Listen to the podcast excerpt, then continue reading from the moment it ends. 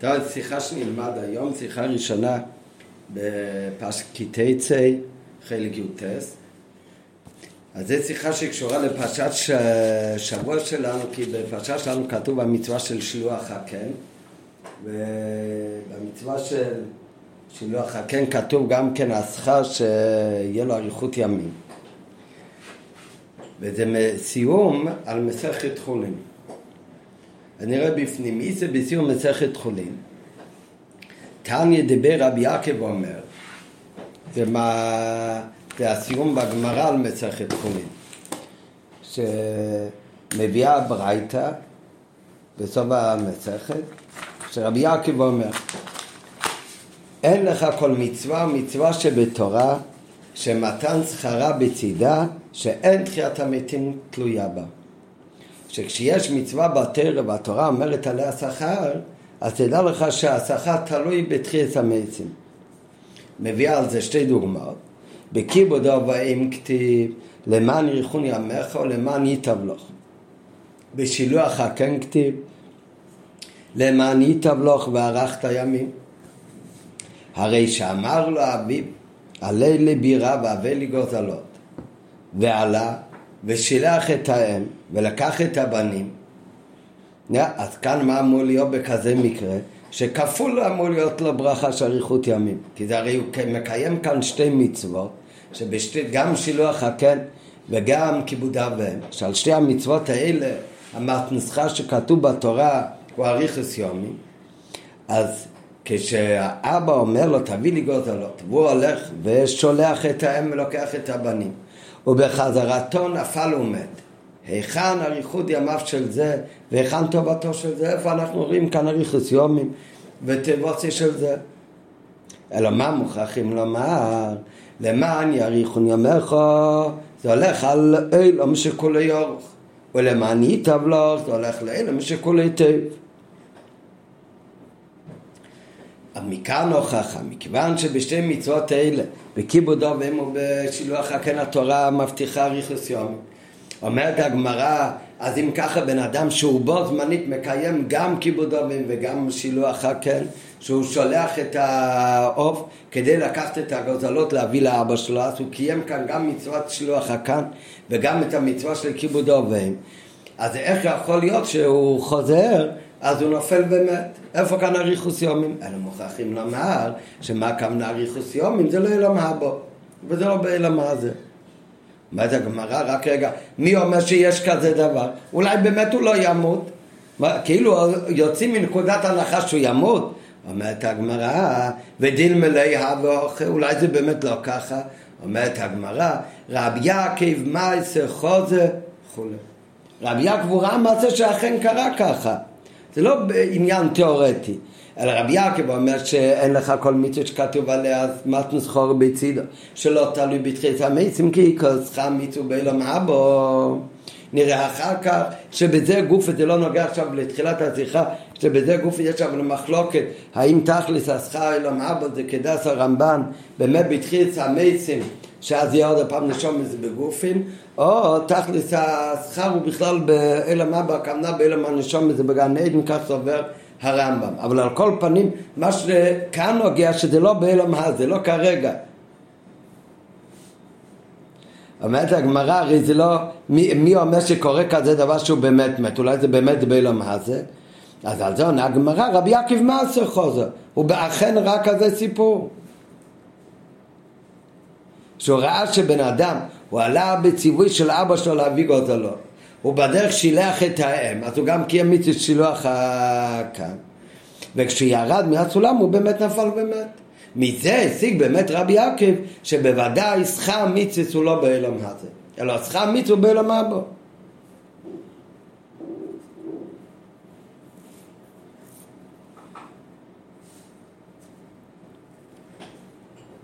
בפשטות משמע, מהקטע הזה בגמרא בסוף מסכת חולין, מזה משמע שרבי יעקב חולק על מה שכתוב במשנה לפני זה. אמרנו מקודם שזה הסיום, זה בגמורה זה הסיום. אחר כך יש עוד המשך קצת בגמורה שאולי אותו אחד שהוא עלה, הוא לא התכוון באמת למצווה, לא נוגע כרגע, זה בהמשך, אבל זה, זה הגמרא.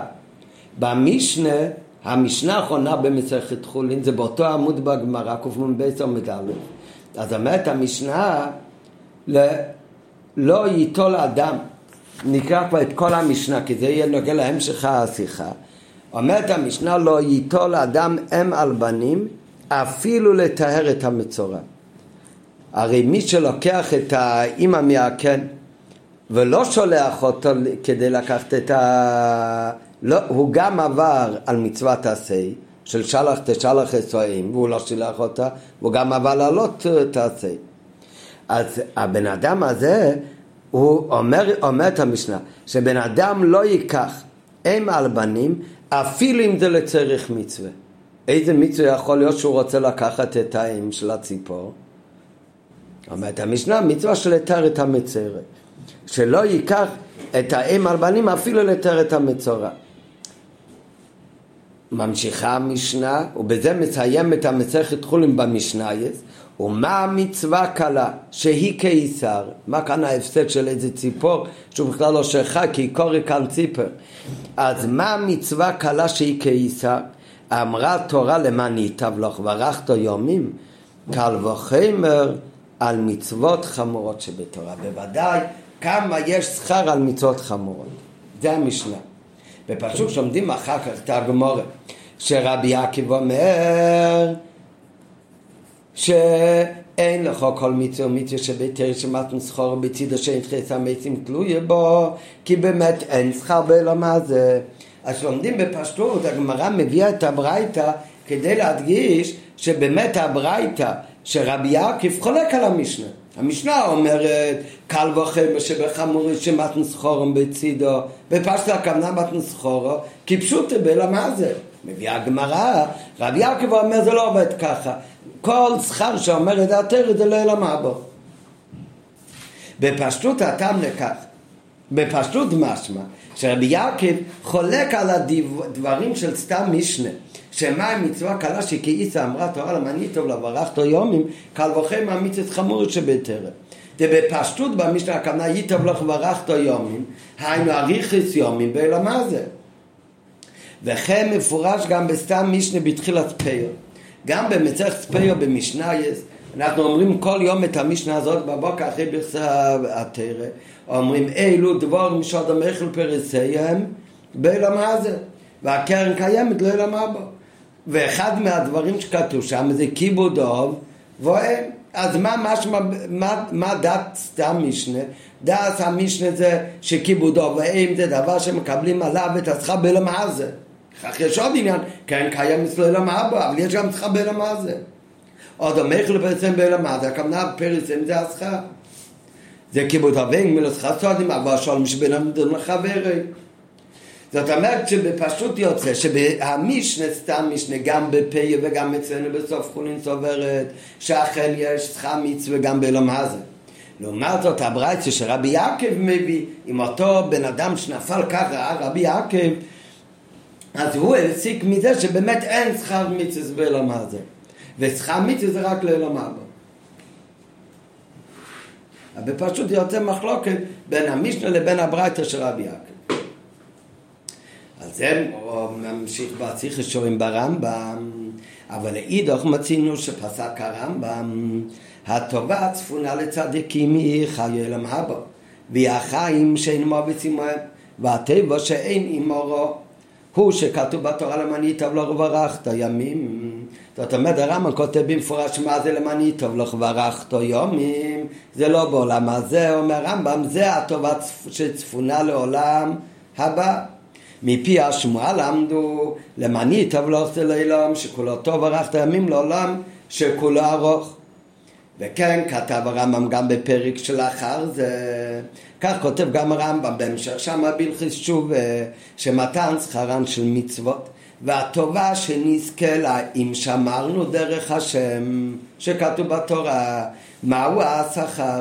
היא חיי עולם הבא שנאמר למען ייטב לך וערכת ימים זאת אומרת הרמב"ם איך הוא פוסק כמו דעת סתם משנה שאלו דבורים שיש להם אה, הם, אה, הם, אלו דבורים שעוד המכל פרסם בעולם הזה או שהרמב"ם פוסק כמו דעת רבי יעקב, שאין שכר רמיצס בעולם הזה, אלא רק לעולם הבא. אז מה משמע מכאן? שהרמב"ם כל זה הוא פוסק כדעת רבי יעקב. ונשאלת השאלה למה שהרמב"ם יפסוק כדעת רבי יעקב בברייתא ולא כדעת סתם משנה, סתם משנה באילו דבורם במסכת פיה וסתם משנה בסוף מסכת חולין. אז מה הטעם שהרמב"ם יפסוק כרבי יעקב ולא כסתם משנה של חולין ופיה? יתרה מזו, בהמשך דבריו שם כתב הרמב"ם, ממשיך שם הרמב"ם ואומר, מאחר שנדע שמתן שכרן של מצוות יחיו אלום הבון זה בזה הרמב"ם הוא עקבי ואומר שעיקר השכר זה רק באלום הבו שלפי הרמב"ם הכוונה אלום הבו נראה את זה גם בסוף השיחה זה הכוונה אלום הנשום. אבל העיקר בינתיים זה הדקשה לא באלום הזה. אז הרמב"ם אומר הרי איך אפשר להגיד שעיקר מתן שכרם זה רק אלום הבא? הרי יש בוודאי גם דברים, וערכתו יומים, אומר הרמב"ם, שאריכוס יומים אמיתית זה ביום שכולו יורך, זה באמת עולם הבא, זה לא אלום מה זה בכלל. אבל הרי יש בתורה גם כן, ואם בחוקי תלכו, ונתתי גשמיכם בעיתום, והוספת את תבואתה. הדברים האלה, זה הרי הכל מדבר על יהודים גשמים, באילם הזה כפשוטי. אז איך אפשר להגיד שצריכה מיציף זה רק אילם הבא? הרי יש מלא דברים שהתורה אומרת, גם באילם הזה. אז הרמב"ם בעצמו שואל את השאלה הזאת, והרמב"ם מעריך, זה מה שמצטט כאן, שכל הדברים האלו זה לא עניין של שכר. שכר מצווה, אז זה הרמב"ם בפשוט כדעת רבי יעקב, זה לא יהיה לו מהבו. ובאמת לא בעולם הזה. ואריכוס יום זה הכוונה אריכוס יום בעולם הבא. אומר הרמב"ם אם ככה שנדע שמתן שכרם של מצוות צריכה יהיה עולם הבא אז מה זה שכתוב בתורה כולה אם תשמעו יגיע לכם כך ואם לא תשמעו יקרה לכם כך וכל אותם הדברים זה בעולם הזה ומלא פסוקים שמדברים על סובה, על רעב, מלחמה, שלום ומלכוס ושיפלוס, ישיבת הארץ וגלות, הצלחת מעשה והפסדו, ושאר כל דברי הביריס. בפרסקיסו ובניתון זה הכל מדבר על דברים גשמים. אומר הרמב"ם זה לא סותר. כל אותם הדברים אמת היו ויהיו. ובזמן שאנחנו עושים כל מצוות התורה, יגיע אלינו טובות העולם הזה כולם. ובזמן שאנו עוברים עליהם, תקרן אותנו הרעות הכתובות. ואף על פי כן, לומד הרמב"ם, הדברים האלה זה לא עניין של שכר בכלל. אין אותם הטובות, הם סוף מתן שכרן של מצוות. ולא אותן הרעות, הם סוף הנקמה שנוקמים מי עובר על המצוות. אלא כך הוא הכריע כל הדברים. כך צריך להבין את העניין. הקדוש ברוך הוא נתן לנו תורה, נתן לנו תורה זו עץ חיים היא, וכל העושה כל הכתוב בו. ויודעו דעה גמורה נכונה, זוכה בה לחיי עולם הבא. וחיי עולם הבא זה השכר, גן עדן. ולפי גודל מעשיו ורוב חוכמתו הוא זוכה, מה שיותר הוא עושה מצוות, הוא זוכה יותר בעולם הבא, שהעולם הבא זה השכר, זה סביב השכר. והבטיחנו התורה, רק יש משהו אמצעי, שהתורה הבטיחה לנו שאם נעשה אותה בשמחה ובטובת הנפש ונהגה בחוכמתה תמיד, אז התורה הבטיחה שהקדוש ברוך הוא שיסיר ממנו כל הדבורים המונים אותנו מלעשותה כגון חולי, מלחמה ורע וכיוצא בהם. זאת אומרת, העניין הזה, הסרת החולי, הסרת המחלה והרעב וכיוצא בזה, זה לא עניין השכר, עניין השכר הוא אלא מה בו. הדברים האלה, הסרת כל הדברים המונים, זה הקדוש ברוך הוא הבטיח. מי שעובד אותו, הקדוש ברוך הוא המלך, אנחנו עבדים שלו. אומר הקדוש ברוך הוא, מי שעובד כמו שצריך להיות, אני אספק לו את כל ההצטרכות כדי שהוא יוכל להמשיך לעבוד אותי. הרי בן אדם לא יכול לעבוד את השם כמו שצריך כשהוא חולה וחסר לו כסף. אומר הקדוש ברוך הוא שמי שבאמת הוגה בתורה ועובד אותו בשמחה ובטובת הנפש, אז אני אסיר ממנו את החול עם מלחמה ורע וכיוצא בן, וישפיע לנו כל הטובות המחזיקות את ידינו, לעשות התורה כגון צובע ושלום וריבי כסף וזוב כדי שלא נעסוק כל ימינו בדברים שהגוף צריך להם. אלא הוא יספק לנו הכל אלא נשב פנויים ללמוד, בכ... ללמוד בחוכמה ולעשות את המצוות כדי שמה נזכה? איפה הוא השכר? השכר זה לא הכסף והסרת החולי הסרת החולי והכסף זה כדי שנוכל להמשיך לעבוד אותו ולקיים מצווה בשמחה ולמה שנוכל לעשות את זה? כדי שנזכה איפה הוא השכר זה לך יעלם הבא. זאת אומרת, הרמב"ם מצד אחד מסביר שיש פסוקים שמדברים על יהודים גשמים זה לא כמו עניינים שבאמת המשל שהרמב"ם אומר זה מושל. אומר הרמב"ם, זה באמת יקרה בגשמיות. אז אם הרמב"ם כבר אומר בכל מקרה שגם בגשמיץ יהיה טוב, אז למה הרמב"ם צריך להגיד שכל היהודים האלה זה רק אמצעי כדי שנוכל לעבוד את השם? אבל השכר הוא באמת שכר רוחני הוא באילום הבו ולכן הוא פוסק כמו רבי יעקב שהריכס יומים זה באמת באילום הבו ביום שכולי אורך וכולי תאים אם הוא כבר צריך להסביר כל הפסוקים האלה שאכן יקראו בגשמית, אז למה שלא יגיד כבר שזה באמת זה השכר של המצווה? ובאמת שכר המצווה באילום הזה יש, ויפסוק כמו סתם משנה בפיה, כמו סתם משנה בסוף פרק חולי, שיש שכר מצווה גם בגשמית. אריכס יומים כפשוט באילום הזה. ואם כן, מאחר שבלאו אוכל. צריך לפרש כל היהודים שבתורה עוסקים במתן שכר גם באילום הזה, אז למה שלא יפרש גם את ההבטחה שלמען יפטוב לו וערכתו יומים, שזה גם כן בגשמיות.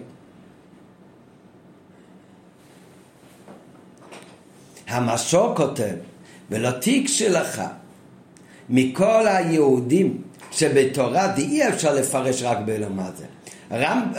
על דרך שהרמב"ם לבד בא לתרץ בהלכס תשובה, איך הוא אומר מצד אחד שריבוי, ש, שעיקר השכר הוא באלום הבא, מצד שני יש ריבוי פסוקים שמדברים על שכר, על עניונים גשמים דווקא באלום הזה, וזה מה שקראנו עכשיו בכל אריכות הרמב"ם.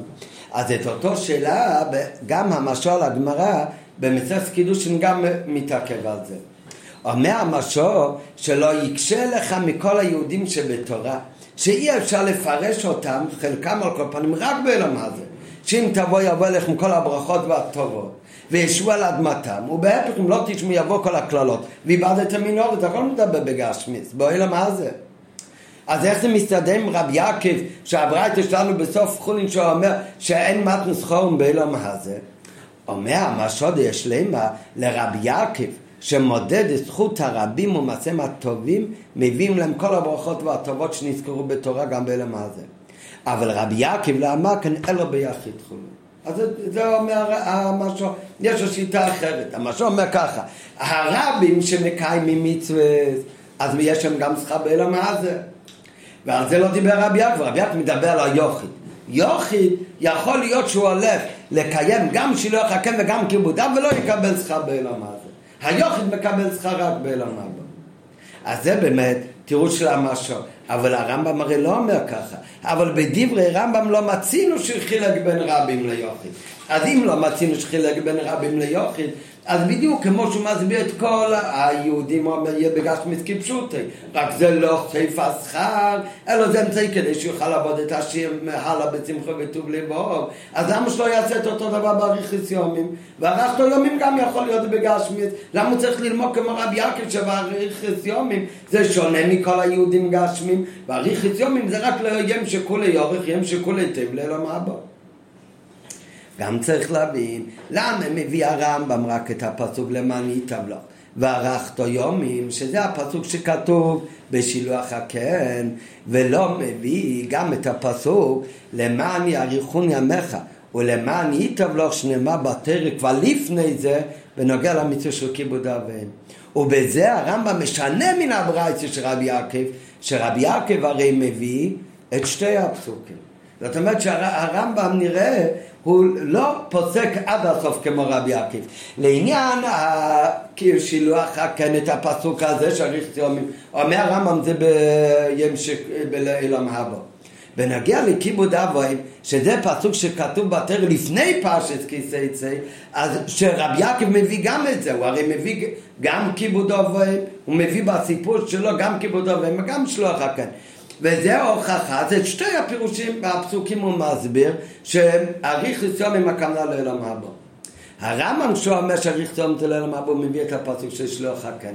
משמע שלפי הרמב"ם יכול להיות שבאמת על כיבוד אב ואם אולי יכול להיות שהברוכה של אריכס יומים הוא אריכס יומים בעולם הזה. ושילוח הקן, על זה אולי רק אומר הרמב"ם שאריכס יומים זה בעולם הבא. למה שיהיה הבדל? אז זה נראה הכל המשך בשיחה. יש כאן שאלה שמתעוררת בכלל, מה זאת אומרת? יש, יש כאן אה, מחלוקת אם הסיפור היה אמיתי או לא, הרי הרב מתחיל וכך זה באמת יהיה גם בהמשך השיחה שזה באמת לא לכל הדעות, זה באמת מחלוקת. רבי יעקב בברייסה סובר שאריכס יומים זה הכוונה באילם הבא, זה לא באילם הזה. לעומת זאת לפי סתם משנה, גם אצלנו בחולין וגם בפיה, אלו דבורים שאין להם שיעור. ועוד המכל פרסם באילם הזה, אז לומד כפשוטה שאריכס יומים זה באילם הזה. אז רק לפני שנמשיך, פשוט שלא יטרידו אותנו השאלה הזאת, מה זאת אומרת? לפי סתם משנה, אם אנחנו לא לומדים כמו רבי יעקב, מה זה הסיפור הזה? לא היה נכון אם הילד שאבא שלו שלח אותו לשילוח הקן, אז להביא לו גוזלות. אלא זה נראה באמת בסוף. גם אם כולם מסכימים שזה הסיפור שאכן קרה פעם כזה סיפור, אבל לאו דווקא שמזה צריך כבר להשיג כל כך מהר מסקנה שכל מה שכתוב בתרא אריכס יומים הכוונה רק באילום הזה ולא בגשמית. זה ככה ביעקב הבין. רק הגמרא אומרת, מי אומר לך? אז הוא אומר, הוא ראה סיפור, וזה היה לתספס חוכם. אבל שהוא אומר שכל הזכר הוא רק לאילום הבא. מה שכתוב בתרא, אריכס יומים לדעת רבי יעקב, גם בכיבוד אוהב וגם בשילוח הקן, הכל זה לאילום הבא. לעומת זאת, סתם משנה למען יאריכון יומך, הכוונה למען יאריכון יומך, באילו מה זה כפשוטי. אה, היה סיפור? בסדר, זה בסוף, בשיחה ממש, נמצא גם תירוץ לסיפור הזה. אבל הסיפור לא ישנה את המציאות שהם לומדים בפשטות בסתם משנה, שלמען יאריכון יומך, הכוונה באילום הזה. וזה דבום שעוד המכל פרצם באילום הזה דווקא. ברמב"ם כבר ראינו, זה בינתיים אנחנו בשאלה, אבל ראינו כבר שברמב"ם יכול להיות שזה פעם ככה, פעם ככה, אולי באמת יש הבדל, עובדה, כשהוא אומר, מסביר את הפסוק של אריכוס יומים, זה לאילם הבו, מביא את הפסוק של פרשתנו שישלוח כאן. זאת אומרת שאולי בכיבוד אב ואם, אז שם הרמב"ם באמת אולי לא ילמד כמו רבי יעקב. שם באמת ילמד, שאולי באמת זה יום באילם הזה, כמו שנלמד בהמשך את ההבדל בין uh, זה לזה. אבל לפני שנמשיך בכל הביור, אז זה הרי בטוח ששיטת רבי יעקב בברייסה הוא שכמו אומר במפורש, שכל מתן סחור מתחת מתן סחור זה רק לעולם הבא. ואריכוס יומים גם פה וגם בכיבוד אוהבים זה הכל אריכוס יומים לעולם הבא, ועובדה שהוא מביא הרי את הסיפור שגם היה כיבוד אוהבים, גם היה שילוח הקן, ובכל זאת הילד, הבן נפל ומת. נשאלת השאלה, אם רבי יעקב רוצה להוכיח שכשהתורה נותנת אמ, הבטחה שיהיה שכר של אריכס יום, אז זה אריכס יומים לאילם הבא, ולאו דווקא באילם הזה, אז מספיק הרי שבסיפור הוא קיים דבר אחד שהתורה אומרת אריכס יומים, והוא נופל באמת. למה הוא צריך להדגיש לנו שבסיפור כאן הוא קיים שתי מצוות שהתורה אומרת על זה אריכס יומים ואם היה רק מצווה אחת הוא היה מת. אז גם היה לנו הוכחה שהתורה אומרת למען יריחון יומך. אז למען יריחון יומך זה לעולם הבא עובדה שהוא לא נשאר בחיים בעולם הזה ויובן בהקדם הכושי בית ג' לא מהות רבי יעקב להביא ראיה ששכר מצווה בהי על מלכה הן ממצוות כיבוד אב ואם, והן מהמצווה של שלוח הקהל. למה לא מספיק לו באחד מהם?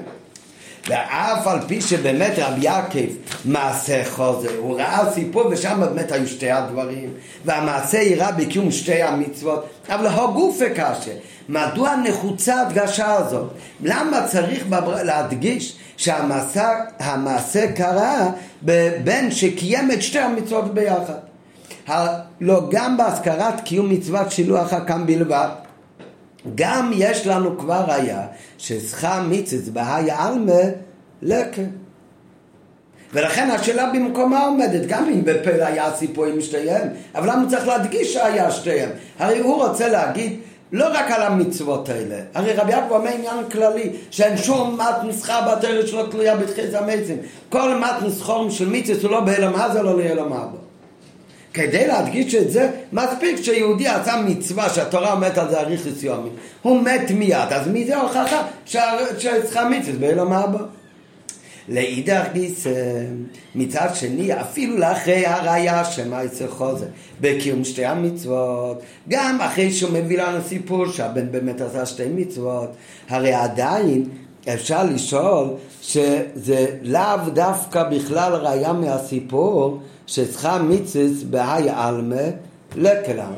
מתי בן אדם מקבל שכר? כשהוא מקיים מצווה. מתי בן אדם מקיים מצווה? אז יש מחלוקת גדולה אם מצווה צריכות כוונה או מצוות לא צריכות כוונה.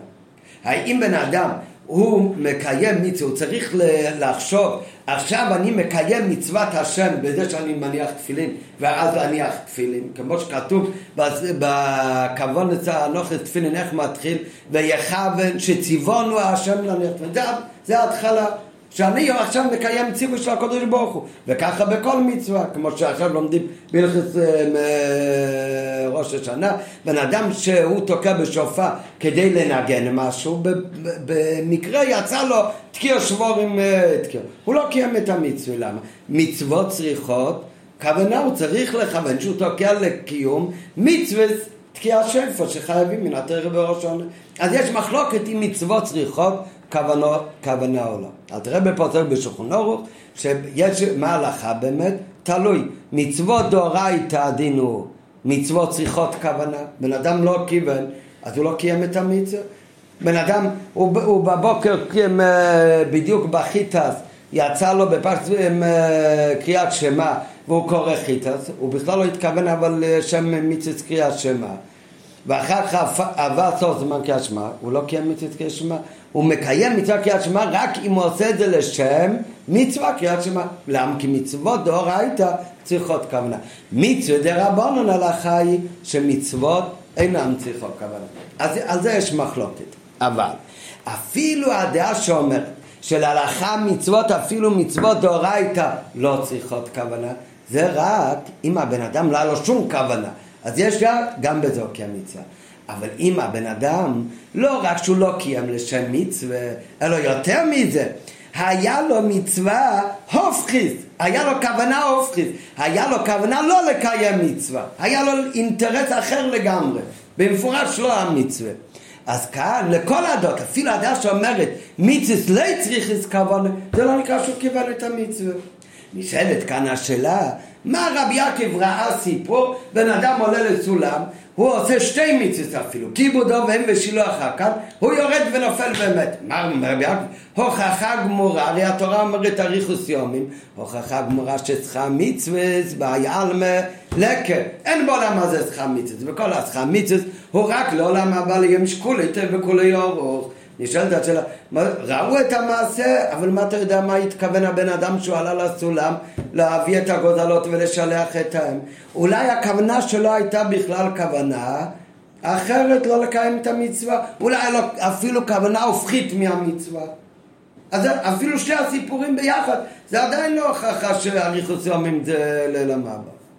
ואפילו לד... ולאידך גיסא, אפילו אחרי הראיה של מעשר חוזר בקיום שתי המצוות, עדיין אפשר לשאול מניין הראיה שצריכה מצווה באה על מלאכת. הלא ייתכן שהבן לא כיוון בעשייתו בכלל לקיים את המצווה, ולכן הוא לא קיבל על זה שכר. ואפילו לדעת הפוסקים שמצוות אינם צריכות כוונה, מה זה לדעת הפוסקים? כי להלכה באמת במצווה דאורייסה כמו כיבוד אב ואם ושילוח הכאן, מצוות לכאורה צריכות כוונה, אבל אפילו לדעת הפוסקים שמצוות לא צריכות כוונה, אז הפירוש בזה הוא רק שאין הכרח שיכוון בקיום המצווה לעשות את זה לשם מצווה. אבל אם הוא יכוון כוונה הופכית, היינו, הוא מתכוון במפורש שלא לקיים את המצווה בפעולתו, אז הוא לא יוצא מצווה לכל הדעות.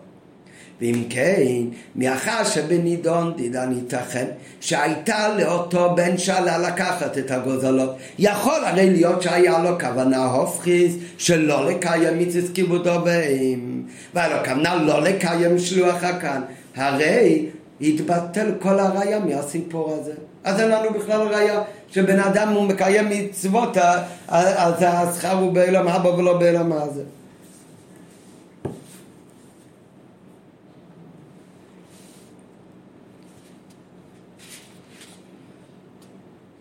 עוד לפני, עכשיו לפני שנתחיל להביאו, אז הוא מוסיף רק עוד שאלה אחת. מקודם קראנו כבר שהברייס של רבי יעקב זה מה שהגמרא מביאה בסוף המסכת, כמעט בסוף, ובמשנה, במשנה בפרשו כתוב אחר, כתוב אדרבה, זה כתוב אריכוס יום שם לא כתוב באילום אבו, וכתוב שעומדים קל וחומר, שמה אם יש כזה שכר גדול על מצווה קל של שלוח הכאן, קל וחומר שמצוות חמורות, כמה זה קבלת השכר. הפרט הזה במשנה, שבזה מסתיים במשנה את כל מסכת חולין, זה בא בהמשך לתחילת המשנה. מה תחילת המשנה? שלא ייקח בן אדם אם על בנים אפילו לצורך מצווה של לתאר את המצרה. נשאלת השאלה מה הקשר בין שתי הדברים האלה במשנה? מה הקשר בין האיסור לקחת אם על הבונים אפילו לצורך מצווה של את המצרה עם סיום המשנה, שזה גם סיום המסכת, שאם על מצווה קלו כמו שלא אחר כן יש כזה שכר של אריכות ימים, קל וחומר למצווה חמורה. מה הקשר בין הדברים? והנה במשנה האחרונה של סוף מסכת סחולי, למדנו שלא ייטול אדם הם על בנים אפילו לתאר את המצרה. ומה עם מצווה קלו? ומה זה? עם וו והמיציב, זה כאילו המשך. ומה עם מצווה קלו שהיא כעיסר אמרה תורה? למען ייטב לך ימים, קל וחום על מצוות חמורות שבתורה. וידוע השאלה על כך, מה הקשר בין שתי הבבות שבמשנה, שהם לכאורה שתי עניינים נפרדים. החלק הראשון במשנה זה הלכה דין בשילוח הקו, וההודעה אודות, החלק השני זה ההודעה אודות גודל שכר המיצס. ואין לומר, כמו שבאמת אומרים חלק מהמפרשים שגם שואלים את השאלה הזאת, שבאמת אין קשר. ולמה המשנה מוסיפה את החלק של הקבלת השכר? זה רק כדי לסיים את המסכת בדבר טוב, כי בלי האומה מצווה קלו, שהיא כאיסה יש אריכוס יומים, קל וחומר חמורות, בלי החלק הזה שהמשנה חי מסתיים המסכת, לא יטעול אדם אם על בנים אפילו לתאר את המצרו, איך להסתיים המסכת? עם מצרו, מילה שלילית, מינים של טומא, לכן מוסיפים, ומה המצווה קלו ששלוח כאן, יש לו שכר של אריכוס יומים, קל וחומר חמורת. כך אומר אצלה, כך אומרים המפרשים. אבל רב אומר שזה לא מספיק. דאם משום ה... אם רק בשביל זה, כדי לציין בדבר טוב ולא במילים מצרו, אז לא היה צריך לכלול את שתי העניינים במשנה אחת דווקא. לא צריך להיות, ובטח זה יכול להיות בשתי משניות, ובוודאי שזה לא היה צריך להיות כתוב עוד בהמשך איכות עם ווב המציב, ולא עוד אלא שבווב המציב הוא מה? צריך להיות כתוב, לא לוקחים עם אלבונים אפילו לתאר את המצרו, נקודה. ועכשיו מתחיל עניין חדש. מה המצווה קלו כמו שלא אחר אז יש איזה שכר של יום קל וחם לחמוס. אבל מזה שכתוב עם ווב, ומה המצווה קלו, כאילו זה בא בהמשך להלכה של תחילת המשנה. גם צריך להבין, לדברי המשנה שלומדים קל וחומר, ממצוות שילוח הכאן לשאר המצוות, למה באמת התורה אומרת את השכר של אריכיס יומין גם בכיבוד אב, מרי כבר אמרו את זה במצווה קלו של כיסו של ה... של שילוח הקן. אז למה צריך להגיד את השכר שלמען יאריכון יומך גם בכיבוד אב שזה ממיתוס החמור שבתרא. במדרש, בפרשה שלנו, כתוב על כיבוד אב שזה נחשב מהחמור. השלוח הכאן זה מהקלס, כיבוד אב זה חמור. למה זה נקרא חמורס? המפורשים על המדרש אומרים כי התורה השוותה כיבוד אב ואם לכבוד שמיים. כך רש"י גם מביא. שהתורה אומר, כבד את אביך ועצמך, וצריך לכבד את הקודש ברוך הוא. איש את אבי ואימא יתיראו, אותו דבר גם על הקודש ברוך הוא כתוב שצריך להיות, ירא את השם אלוקיך. את השם אלוקיך תירו. אז הקדוש ברוך הוא השבו כיבודו והם לכבד שמיים, לכן כיבודו והם זה נחשב ממצוות החמורס.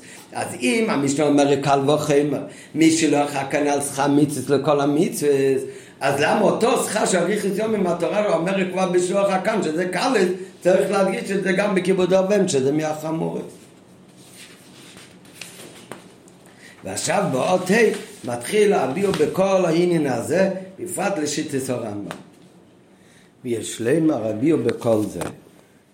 הזכרנו כבר מקודם שהמשנה לפני שהיא אומרת את הקל וחמר על מתנוס חורן של מצווס, אז מביאה המשנה את הדין שלא ייטול אדם מאם על בנים אפילו לתאר את המצורע.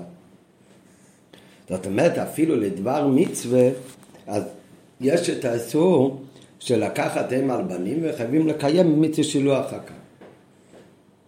מה הסיבה באמת? שבן אדם לא ייטול את האם על בנים אפילו לדבר מצווה, אפילו לתאר את המצורע. אז הגמרא לומדת את זה מעיטור הלשון שלח תשלח. שלכאורה צריך להיות כתוב שלח את האם. מה זה שלח תשלח את האם? אז אומרת הגמרא שאין לי אלא לדבר הרשות.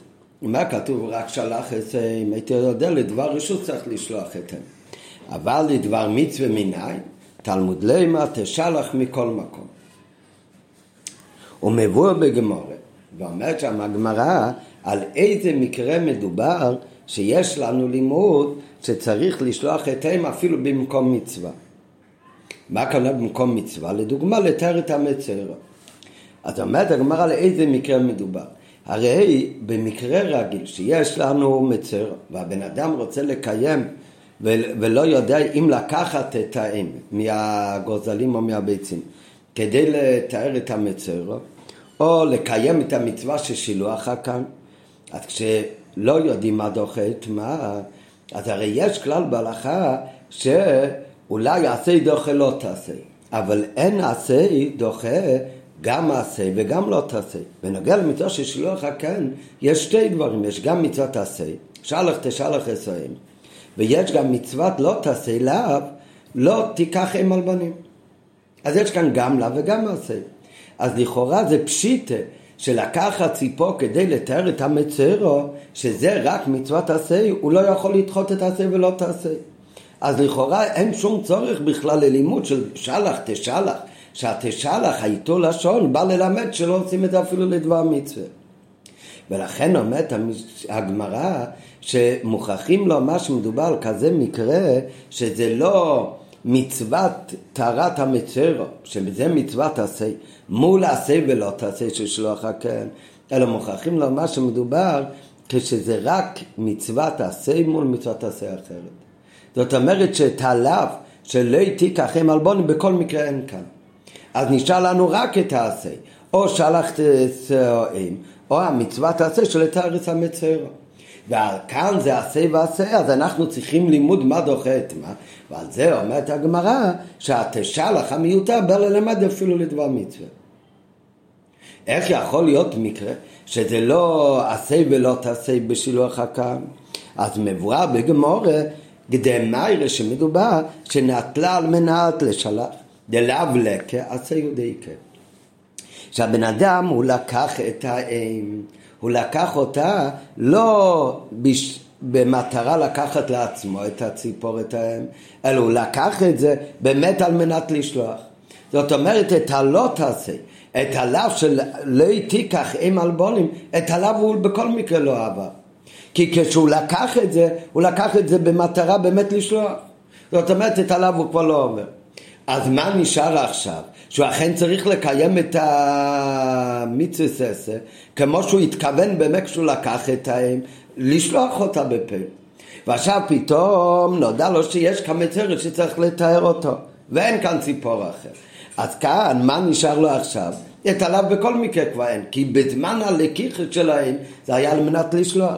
עכשיו הוא צריך לקיים את העשה, אכן לשלוח את האם.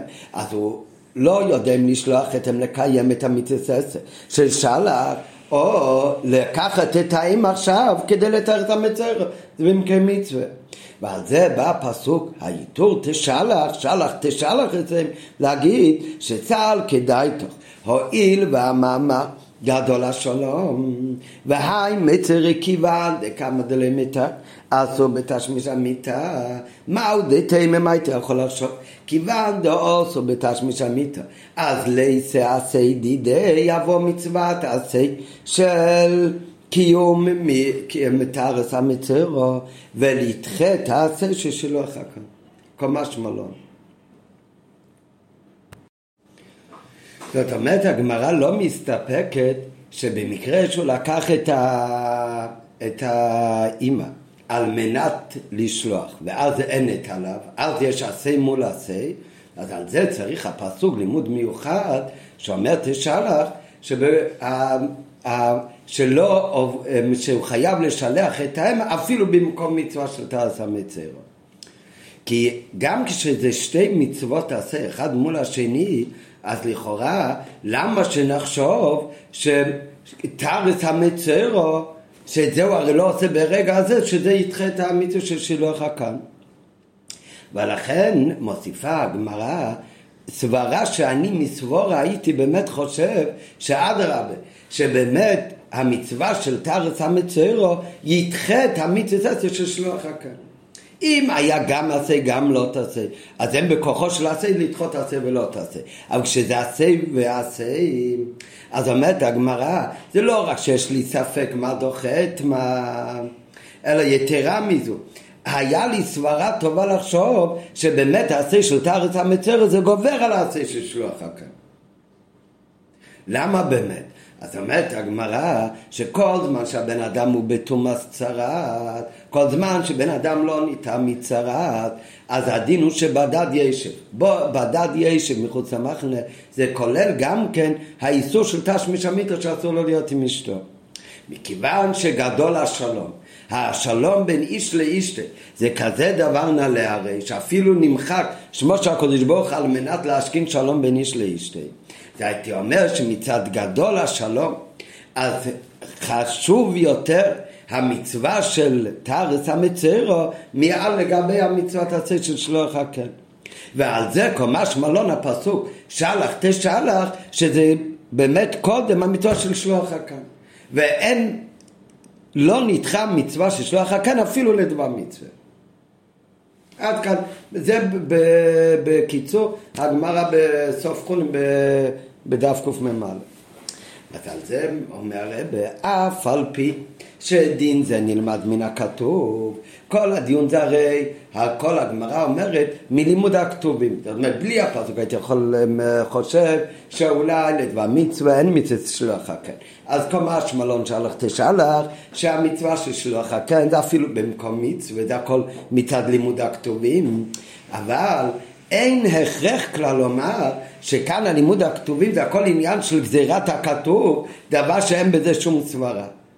אין הכרח כלל לומר שזה ממיעוט המצוות, שזה חלק מהמיעוט של המצוות, שהן חוקה וגזירת הכתוב, אלא יותר מסתבר לומר שבאמת טעם יש בדבר. שהדין, כל הדין הזה, כולל הדיון האם מצווה שלוח הקן ידחה את המצווה של את הארץ המצרה או המצרה ידחה את שלוח הקן זה לא עניינים רק של גזירת הכתוב בפסוק מכריע לכאן או לכאן אלא זה חלק מהמצוות שהם לא רק חוקים אלא יש גם טעם בדבר, בדבר המצווה. ועל זה מקדים הרבה ומביא, הרי אנחנו יודעים שיש משנה במסכת שבת, שהמשנה אומרת שאסור בן אדם שיאמר בתפילה לקדוש ברוך הוא לעורר רחמים שכמו שהקדוש ברוך הוא מרחם על כן ציפור כך גם ירחם עלינו. למה? כי המצוות זה גזירת המלך והמצוות זה, לא, זה, זה לא רחמים. כשעומדים את זה בפשטות אז אפשר לחשוב שבאמת המצווה שלא חכם זה גזירת הכוס בזה עניין של רחמים. רב מוכיח ש, שזה לא הפירוש. באמת המצווה של שילוח הקן זה גם כן תכונה של רחמנות על הציפור שלא ייקחו את הבנים מול האימא. אלא מה? הכוונה זה בן אדם בתפילה הוא לא אמור להגיד ככה, כי לא זה התכלי של המצווה. העיקר המצווה שזה גזירה ורצונו של הקדוש ברוך הוא. אבל באמת יש במצווה הזה גם כן טעם שזה עניין של רחמים. תנן, למדנו במשנה שהאומר על כן ציפור יגיעו רחמך, משתקין אותו. מי שאומר כך בתפילות משתיקין אותו. מזה גוף מובן. ששילוח הכן באמת הוא עניין שנדרש גם מצד הרחמים והשכל. הבן אדם לא אמור להגיד ככה. נראה עוד רגע למה הוא באמת לא אמור להגיד ככה. אבל אם במצווה ששלחה כאן לא היה שום רגש של רחמים, הרי לא צריך להגיד תשתיק את הבן אדם שאומר ככה. אלא מה? מזה מובן שעל פי שכל, אז כל אחד מבין גם כן שיש תוכן המצווה של שלוח כאן. הפעולה הזאת, לא, לשלוח, לא לקחת את האמא, לא, לא לקחת את הבונים כשהאם שמה, שזה עניין, לקחת אותם זה עניין של אכזריות, ולשלוח אותה קודם זה עניין של רחמים. רחמים. אז מזה גוף שאומרים שמשתקין אותו, מזה עצמו מובן. אז שבאמת שילוח הקן, בפל ממש יש בזה עניין של רחמים מצד השכל. אלא שאסור לומר שזהו כל ועיקר הטעם של מצווה זו. מי שאומר שזה הטעם וזה התכלית של המצווה, זה, זה אסור, ולכן משתקין אותו. אבל לא שאין כאן עניין של רחמים. אם זה להשתיק אותו, אז מזה גוף ומובן, שאכן זה פעולה של רחמים המצווה של שלוח הקן. כמו שלומדים, כמו שהגמרא מסבירה, למה באמת משתקין אותו? מפני שעושה מידותיו, הכוונה מצוות של הקודש ברוך הוא רחמים, ואינן אלא גזירות. יודעים, צריך לקיים את המצוות, זה גזירת של הקודש ברוך הוא. אבל בפן זה גם מיני של רחמים. כמו שמצינו בכמה ספרים, כמה טעמים על שילוח הקן, שהיסוד של הטעמים האלה, שזה טבע רחמונס ורחמים. ואם אנחנו נלמד באמת ככה, שבאמת יש במצווה של שלוח הקן תוכן של רחמונס, רק לא זה תוכן כל, כל טעם ותוכן המצווה. אבל יש בזה גם עניין של רחמים. אז לכן מובן עכשיו הרבה יותר מהו השקלה ותרא בגמרא. אני הייתי חושב שמכיוון שכל עניין של שלוח, לא כל עניין, חס וחלילה, מכיוון אבל שבמצווה שלוח הקו יש כאן עניין של רחמנות ואחר כך יש לי כאן שתי מצוות עשה, מצוות שלוח הקו ולעומת זאת המצווה של, של תארץ המצרו גם לתאר את המצר, זה גם עניין של רחמים. רחמנות על הבעל ואשתו, כי על כל זמן שהוא תומר הם אסורים, ועל ידי שמתארים את המצר, אז גודל השולם, אז השולם בין איש לאשתו. אז לפי זה עכשיו עוד הרבה יותר מובן, שאם זה עניין של רחמים וזה עניין של רחמים, אז באמת היה לי סברה טובה לחשוב לא סתם כדי שתי מצוות עשה, אלא זה שתי מצוות עשה, אז על פי שכל היה אמור להיות בוודאי, שבאמת מותר לעבור על המצווה עשה שלך כן על מנת לדבר מצווה, לתאר את המצווה. ומאחר שלתאר את המצורה, גם היא זה מצווה ששייכת לרחמים. עוד פעם, גם כאן לא תכן המצווה בכל טעם המצווה של תארת המצווה דין רחמים, אבל במצווה הזה גם שייך עניין הרחמים. רחמים כאן לא על הבעל חי אלא על האדם. גדול שלום שבין איש לאישתי שהרי אומרו תרא שמו של הקדוש ברוך הוא נכתב בקדוש ימוך על המים. והי מצרו עוצו בתשמיש המיתו וכולי כמו שהגמרא אומרת. אם ככה כששתי מצוות אלו מזדמנות יחד הרי על פי דין רחמנות מצד הדין אז הרחמנות על האדם דוחה רחמנות על בעלי חיים. רחמנות על בן אדם זה קודם לרחמנות של בעלי חיים כן, לא, היום יש אנשים שמפגינים לצער בעלי חיים, אבל צער בני אדם לא אכפת להם. על פי תרא, יש איסור, נראה עוד רגע, צער בעלי חיים. יש לו שזה אפילו מדאורייתא, אבל הצער של בני אדם הוא יותר חשוב מצער בעלי חיים. ואכן כששתי הדברים הם מזדמנים יחד, אז על פי דין, הרחמנות על האדם דוחה רחמנות על בעלי חיים. מכל שכן וקל וחומר מדין של צער בעלי חיים, שבמקום שיש תועלת לאדם אין חוששים לצערם. כך נמצא כהלכה בשולחנו, גם יש באלתרבה בשולחנו הלכות צער בעלי חיים. אז צער בעלי חיים, אפילו שיש יש את זה דאורייתא, אבל במקום שיש תועלת לבן אדם, ובשביל התועלת שבן אדם צריך לעשות למשל ניסוי עם בעלי חיים וזה יגרום להם צער בעלי חיים, אז לא חוששים לצער של בעלי חיים.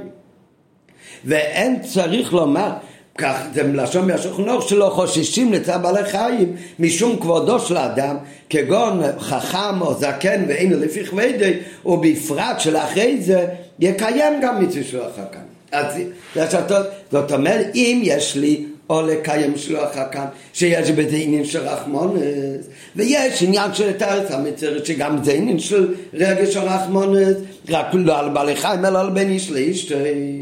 אז מה היה אמור להיות? מן הדין היה צריך להיות שאדרבה, באמת תארץ המצרת ידחה ולא ינחשוש כאן לעניין של צער בעלי חיים.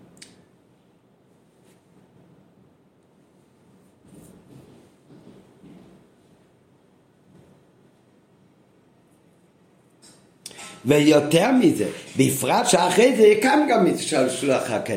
יש את הציפור, יש ציפור אחד של אתרס המצרו שמשאירים אותו בחיים וטובלים אותו בתוך המים עם אדם ומזים עם זה. את אותו ציפור אפשר אחר כך לשלוח, צריך אחר כך לשלוח. אז הוא גם מקיים עם זה אחר כך גם עוד מצר בעל החיים. אז זה בוודאי שלכאורה אם זה היה קודם תעשה הארץ המצרו, אחר תעשה מזה גם אה, שלוח הקם. מביא כאן בהערה שבאמת הדין שהגמרא אומרת שלא עוברים על שילוח הקן אפילו לטרס המצרו זה לא רק הולך על אותו ציפור ששוחטים אותו שאיתו הוא לא יוכל לעשות אחר כמובן שלוח הקן אלא גם אותו ציפור שאותו טובלים ומעזים ואחר כך באמת שולחים אותו. זאת אומרת הוא יוכל אחר כך לקיים גם מצוות שלוח הקן. גם על זה אומרים שלא נדחה מפני המצווה אלא מיד צריך לעשות שלוח הקן ולשלוח אותו למה באמת? כאן עכשיו הרבה יותר מובן הסברה של הגמרא שהיא צריכה לימוד מיוחד משלח תשלח שבאמת לא, שזה לא נדחה אפילו בדבר מצווה כי בלי הלימוד המיוחד אז אדרבה הייתי אומר שהדין הדין נותן שהרחמונת על בן אדם זה קודם לרחמונת של הציפור ועל זה צריך לימוד מיוחד, ועל זה למדנו מן הכתוב, שיש לקיים מיד את מצווה שלו אחר כאן, אפילו לא לדחות אותו עד לאחר כך, אלא מיד צריך לקיים את המצווה, ואפילו שזה מגיע במקום המצווה של תעש המצרת. למה באמת? אז כמו כל המצווה, הוא אומר זה לא רק עניין של גזרת הקוצוס, יש גם טעם בדובר, אז גם אחרי שהתורה באמת מלמדת, משלח תשלח, שקוד, שהוא צריך באמת לשלוח את הציפור ולא יותר איתו את המצר אז גם השלח תשלח, גם הלימוד הזה אז גם כן הוא רוצה עכשיו להסביר שזה לא רק זרץ הקוצוב אלא יש בזה גם מקצת טעם והטעם יש לומר מביא על זה שזה על דרך זה דומה למה שלמדנו בגמרא שיש מצווה של עזוב תעזוב עמו. אוהב לפרוק ושונא ליטול. מצווה בשונא כדי לחוף את יצור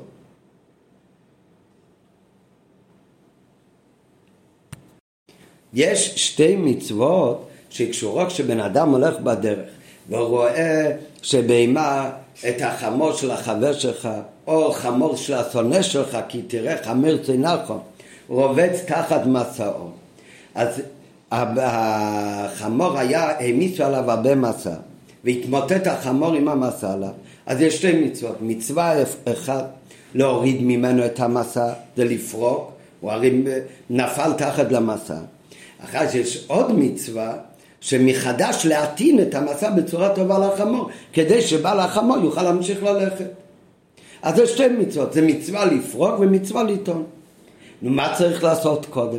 בן אדם הולך בדרך, הוא רואה שתי בהמות, בהמה אחת היא נופלת וכל המסע עדיין עליה, ובהמה אחרת שכבר נפל ממנה המסע אבל צריך עזרה כדי להטעין מחדש. אז מה קודם? אז מצוות פריקה היא קודמת למצוות טעינה. למה באמת? כי בשתי הדברים הוא עוזר גם לבעל הבהמה ולבעל הסחורה. אבל במקרה הראשון, הרי יש כאן צער בעלי חיים, הבהמה היא תחת, אה, נופל תחת למסע. לעומת זאת, כשכבר יש כאן בהמה שכבר אין עליה את המסע, רק צריך לעזור להטעין, אז זה יחכה. אז הדין הוא שמצוות פריקה קודמת למצוות טעינה. אבל מה יהיה הדין אם בן אדם הולך בדרך והוא רואה שתי בהמות? אחד צריך עוד לפרק את המצב, אחד רק להטעין אבל אותו בהמה שצריך להטעין זה השונא של בן אדם. לעומת זאת הבהמה של אותו בן אדם שצריך רק, שצריך עדיין גם לפרק את המסע, זה החבר שלך, זה האוהב. במקרה כזה צריך קודם לטפל בטעינה של הבהמה של השונא שלך. אפילו שכאן אין צער בעלי חיים. יש פחות צער בעלי חיים מהבהמה השנייה שצריך עדיין לפרק ממנו. אבל בכל זאת, מכיוון שזה האוהב שלך וזה השונא שלך, אתה תקדים את העזרה לשונא כדי לכפות את היצור שלך. אז הדין הזה, זה מה שנקרא אוהב לפרוק. יש לך חבר ועליו יש עכשיו מצווה של פריקה גם. לעומת זאת השונא נשאר רק המצווה של טעינה. ובדרך כלל הרי המצווה של פריקה קודם למצווה של טעינה, כי יש כאן בצע בעל החיים. בכל זאת מצווה, מצווה בשונא כדי לחוף את יצרו. בכל זאת מצווה להקדים את השונא כדי לחוף את יצרו של הבן אדם. זאת אומרת שאף על פי שמצד הסברה היה אמור להיות כאן, מצד הדין של צער, כאן זה שתיהם בבעלי חיים, אבל היה אמור להיות כאן קדימה למצווה של פריקה למצווה של טינה, אבל בכל זאת כדי לא חובץ יצוי, אז מקדימים כאן את הפריקה לטינה. לא לפי הסדר של הרחמנות על בעלי חיים, ועל דרך זה, ועל דרך זה אפשר לומר, בפרט לדעת אלה שאפילו כשמדובר בשונאו שמצווה לשנותו מקדימו. מה הכוונה? יש, מה זאת? כי תראה את חמור שונאך. מה זה כאן כי תראה חמור שונאך? על, מה מדובר כאן? על בן אדם כזה שאתה שונא אותו, אף על פי שהתורה אומרת שאסור לשנוא, לא תשנא שוכיחו בלבובך. ואז הרבה יותר קל להבין שבמקרה כזה התורה אומרת כדי באמת לתקן אצלו את האיסור של לטיס וסוכיחו אז לא וציטרו אומרים לו תעזור לו קודם. וזה אולי יבטל גם כן את זה שאתה שונא אותו.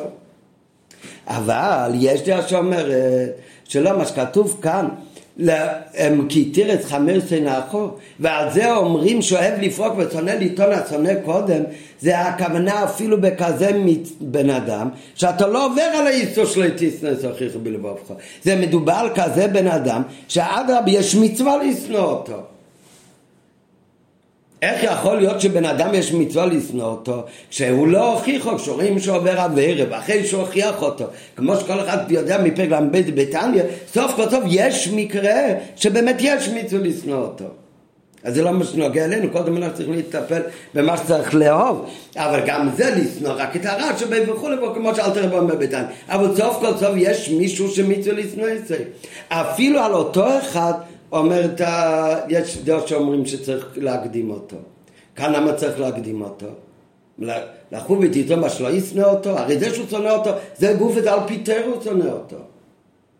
אלא מה? בכל זאת אומרים שמי זה בסיינה כדי לחוף את יצרו. מכיוון שאתה מצד הטבע, עכשיו היית רוצה לעשות את זה, אומרת התורה, ככה אתה רוצה מצד הטבע, תעשה דווקא בהפך בעניין המצווה. זה להדגיש שאתה עושה את המצווה מצד קבלת אל הקדוש ברוך הוא. ואיפה זה יהיה מודגש יותר? כשתעשה את זה דווקא במקום שמצד השכל ומצד הרגש שלך היית עושה את זה אחר כך. והרגש הזה יכול להיות אפילו רגש שהוא הזכרתן על פי טרם מכיוון שזה באמת בן אדם כזה שמותר לך לשנוא אותו.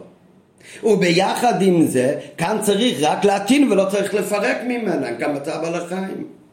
ובכל זאת כדי להדגיש שאתה מקיים את מצד גזירס המלך אז לא חובץ יצרי אז אומרים לך תקדים את זה.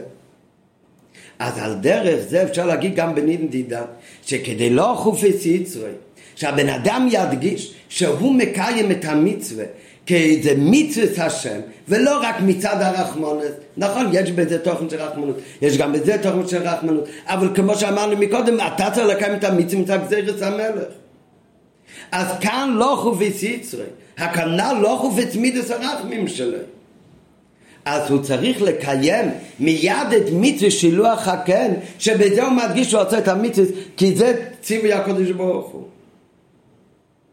אם הוא היה עושה את המצווה רק מצד רגש הרחמוני שלו, אז אדרבה, כשיש כזה מצב, או מצווה של שלוח הכאן, או לתארץ המצר, אז בוודאי תארץ המצר קודם. אומרת התורה שלח תשלח.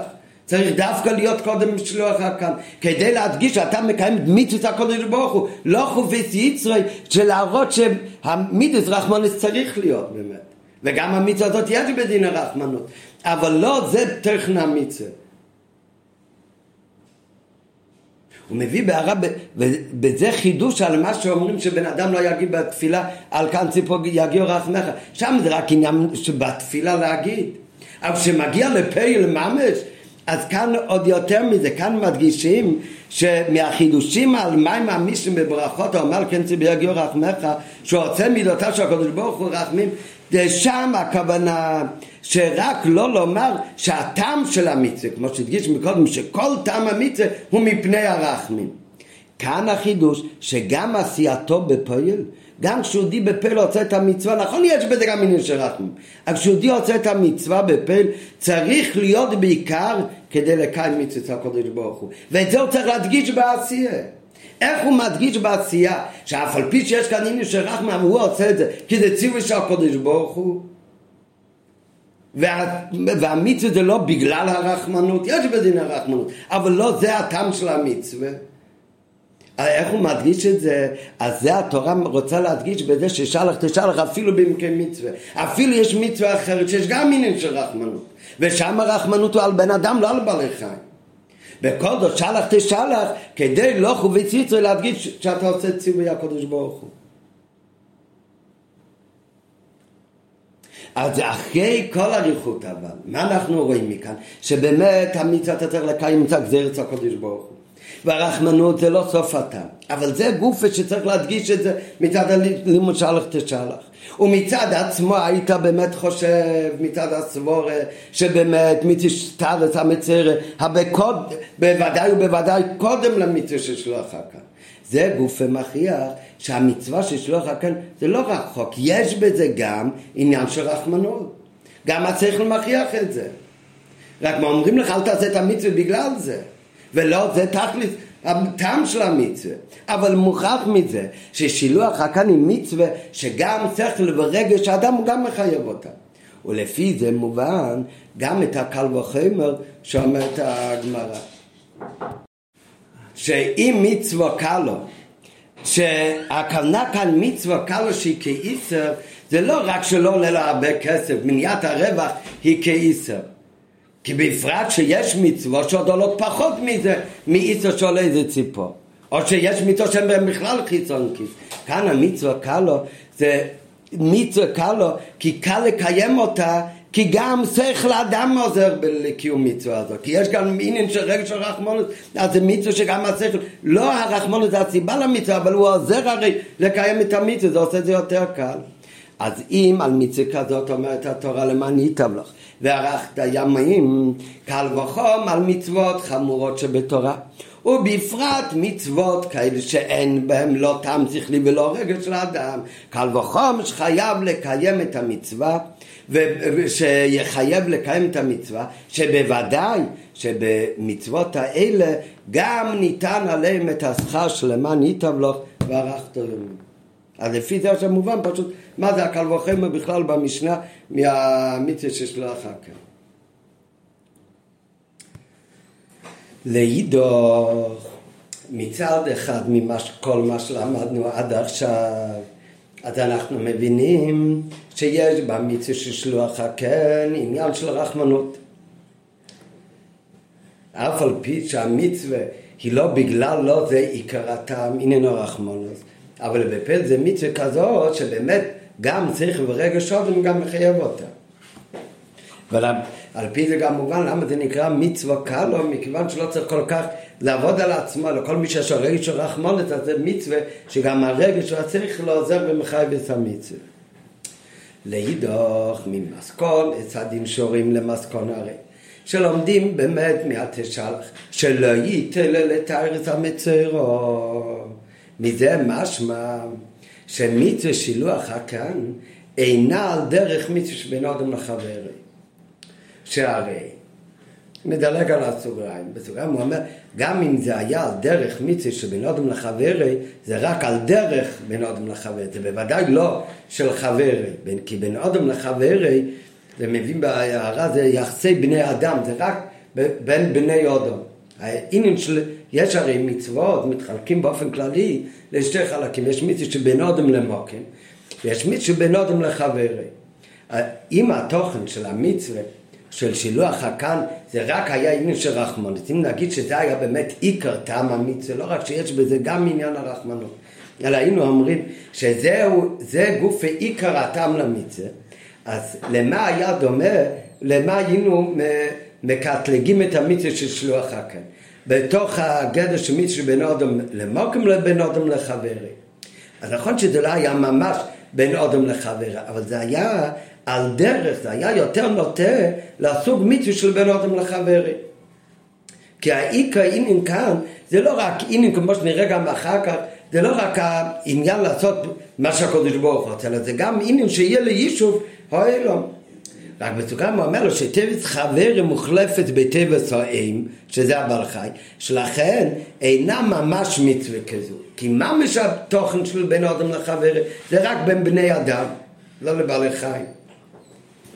אבל עדיין, גם אם זה לא ממש על דרך, אבל על כל פנים זה היה נחשב למצווה שהיא בדוגמת ועל דרך העניין שבין אדם לחברי.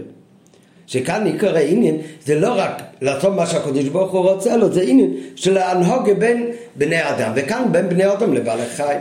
אבל מזה שהמסקנה שלומדים מתשלח, שבאמת המצווה של שילוח הכאן קודם ודוחה את הארץ המצוירו. אז מכאן אנחנו רואים שבאמת למסקנה זה לא על דרך מצווה שבין אדם לחברי, אלא שילוח הכאן הוא בגדר של מצווה של בין אדם למוקם. שהרי במצווה שבין אדם לחברי, הכוונה אינה נוגעת, אלא רק המעצה בפה. עכשיו, לפני שנמשיך הלאה, וזה נוגע לכל אריכוס הביאו, אז נקדים רק בקיצור, מה שנלמד אחר כך בפנימיות, באריכות יותר, שתי הבדלים שאנחנו מוצאים, בפרט ברמב"ם מפורש, מה ההבדל במצווה שבין אדם למוקם לבין אדם לחברי. הבדל אחד שבין אדם למוקם, אז דבר עיקרי בקיום המצווה זה כוונה של היהודי שמקיים את המצווה. כמו שאמרנו מקודם, גם לפי הדעה שאומרת שמצווה אינם צריכס כוונה, אבל עדיין אם יש לו כוונה הופכית הוא לא קיים את המצווה. ובמיוחד שעל פי הלכה, במצווה הרייצה באמת הלכה היא שמצווה צריכס כוונה. זאת אומרת במצוות שבין אדם למוקם אי אפשר להגיד העיקר עשית מה שצריך, אלא נוגע כאן במפרש, נכון, המייסר הוא העיקר, מתי המייסר הוא העיקר? כשהוא עושה מייסר כזה שגם בכוון לשם מצווה.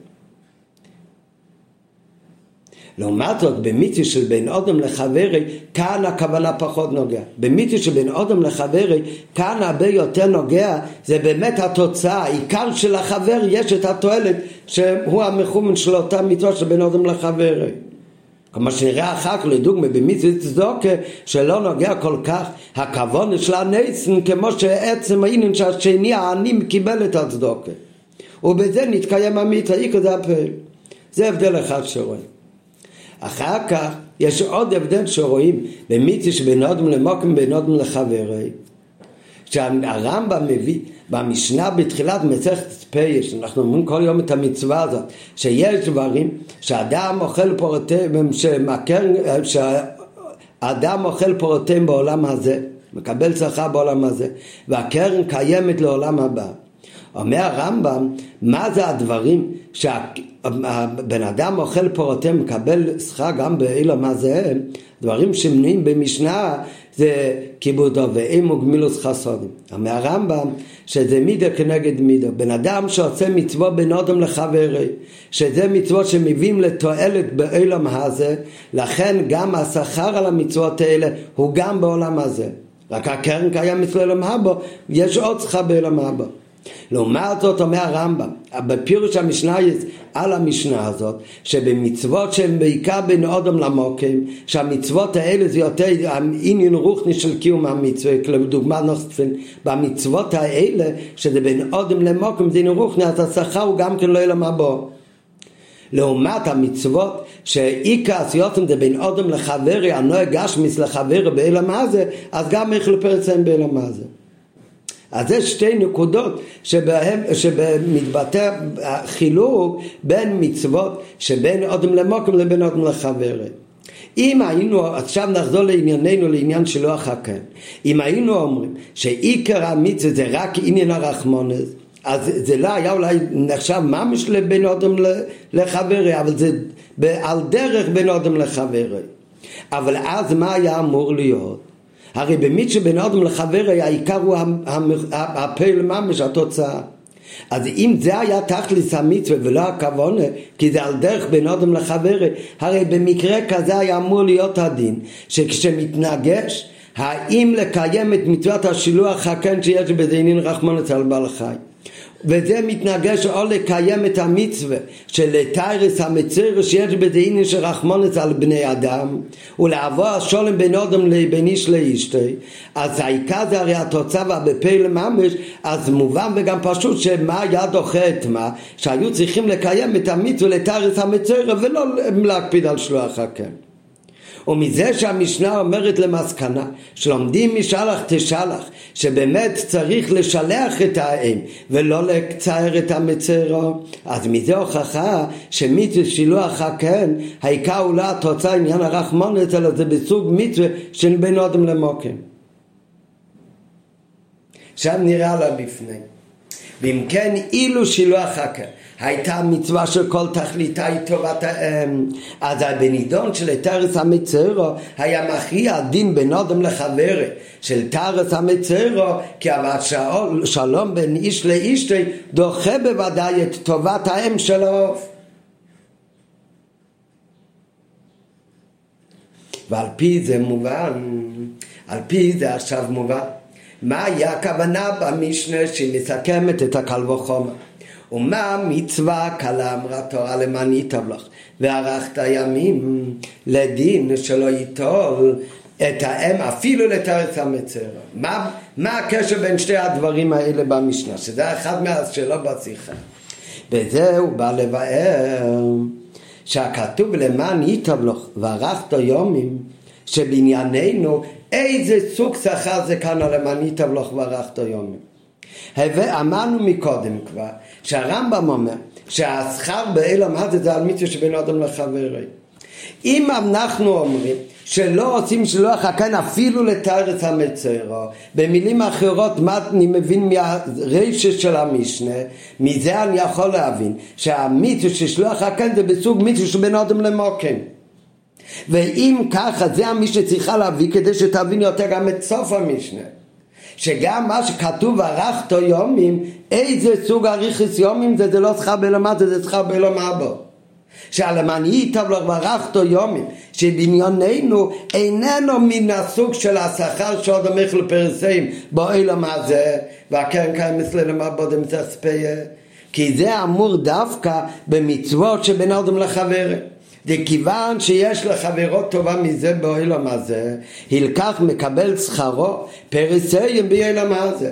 אבל שילוח הקן, מאחר שעניינה של המצווה בעיקר איננה טובה שעל ידי הפעולו, אלא עצם הפעולו, כמו בין אדם למוקים, לא התוצאה שנוגע רחמון שלו.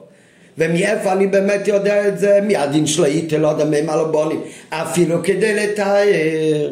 אז אם כך יוצא שזה בסוג מצווה שבין אדם למוקים. אם כן, אני גם מבין שמה זה למען ייטב לך וערכת יומים, זה כאן הכוונה באלמה בו. ולפי כל הביור הזה, דרך אגב, מה שאמרנו עכשיו בשיחה, אז יוצא שבאמת אין סתירה בין המשנה בפיה לבין ה... בין המשנה שלנו למה שאומר רבי יעקב בינתיים. כי גם במשנה שלנו, במשנה במסכת הספר מדבר באמת על, על שכר בעולם הזה. סתם משנה יש שכר בעולם הזה. אבל על איזה מצווה זה נאמר? על בן אדם לחברי. כך אומר הרמב"ם בפירוש המשנה. המשנה בסוף מסכת חולין, שמדבר על וחם במשלוח הכן, שהמצווה קל לו יש לאריכוס יומים, כאן מדובר באמת שכר בעולם הבא ולא בעולם הזה. גם לשיטי סתם משנה במצח ספי וגם במשנה אצלנו אדרבה המשנה אצלנו מהמשך העניינים בין שתי הדברים האלה זה מה שהיא רוצה באמת לקשר להדגיש שמכיוון שלא לוקחים, לא, את האם אפילו לתארס המצרו. זאת אומרת שהטכן של המצווה כאן היא סוג של בין אודם למוקם ולא בין אודם לחברי. אז מזה מובן גם כן שמהו הקל וחמר שהמשנה ממשיכה שזוכים במצווה קלו לאריכוס יומים זה הכוונה אריכוס יומים בעולם הבא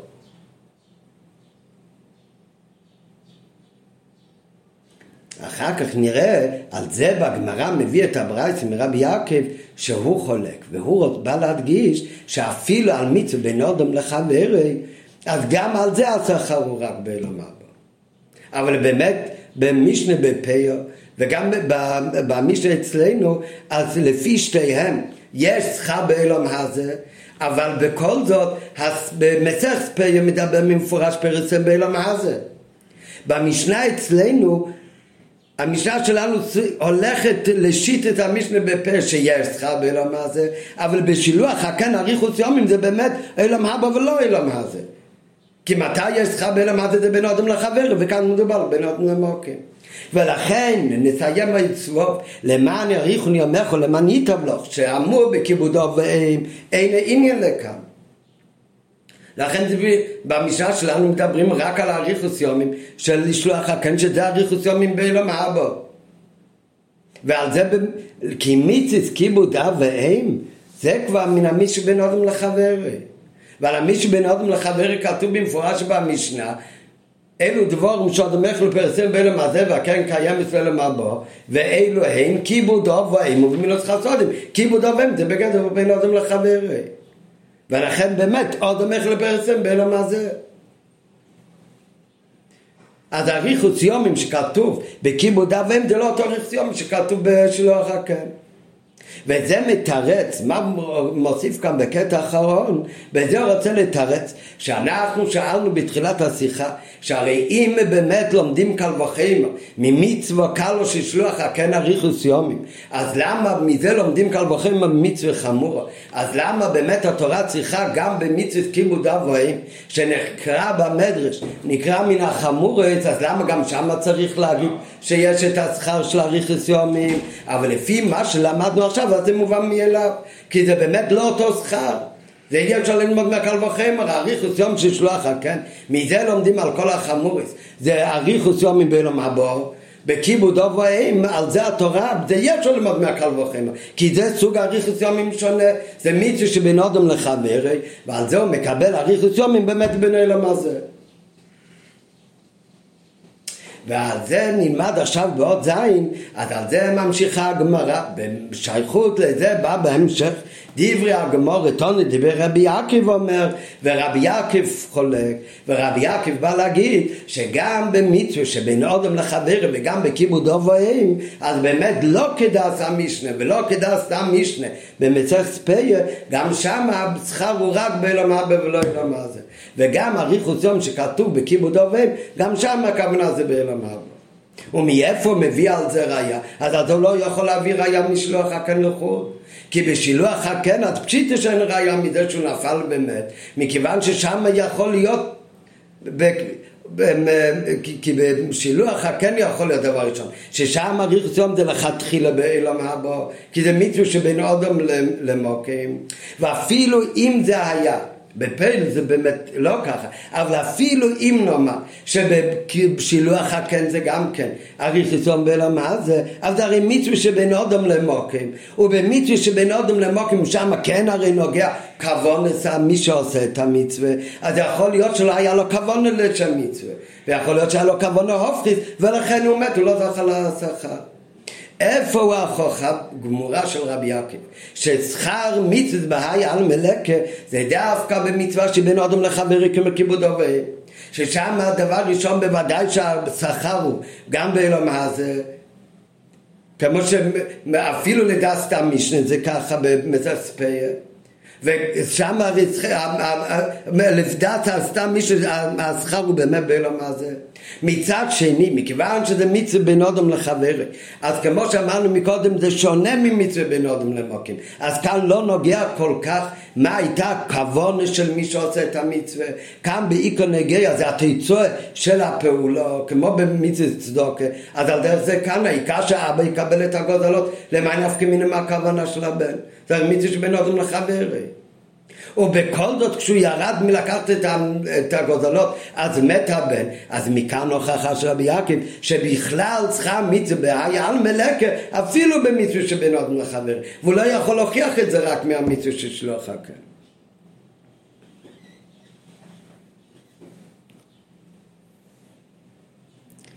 ואכן מביאה הגמרא, שתניא דבר רבי יעקב אומר, ובדבריו מביא ראיה מצווה בעיה על מלקה מזה שנפל ממת. שמורה זה היה לא רק בקיום מצווה שלוח הקן, אלא גם בקיום מצווה כיבוד אביהם, ואדרבה, הראיה היא דווקא מכיבוד אביהם. שהיא מצווה בין אודם לחברי, ולכן מוכרח מזה שצריכה מצווה היה למלאקה. מטעם מצווה שלוח הקן, של היותה מצווה שבין אודם למוקים, שאי כעניון היא עצם פעולת המצווה, ולא התוצאה, אז לכן הכבוד נוגע בפעולה.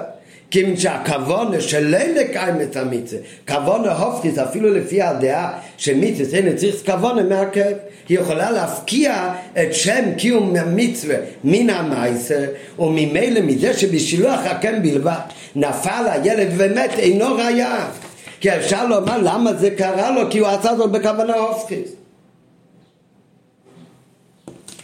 דרך אגב הקטע הזה זה אפילו אם הצחה היה הזה בפל...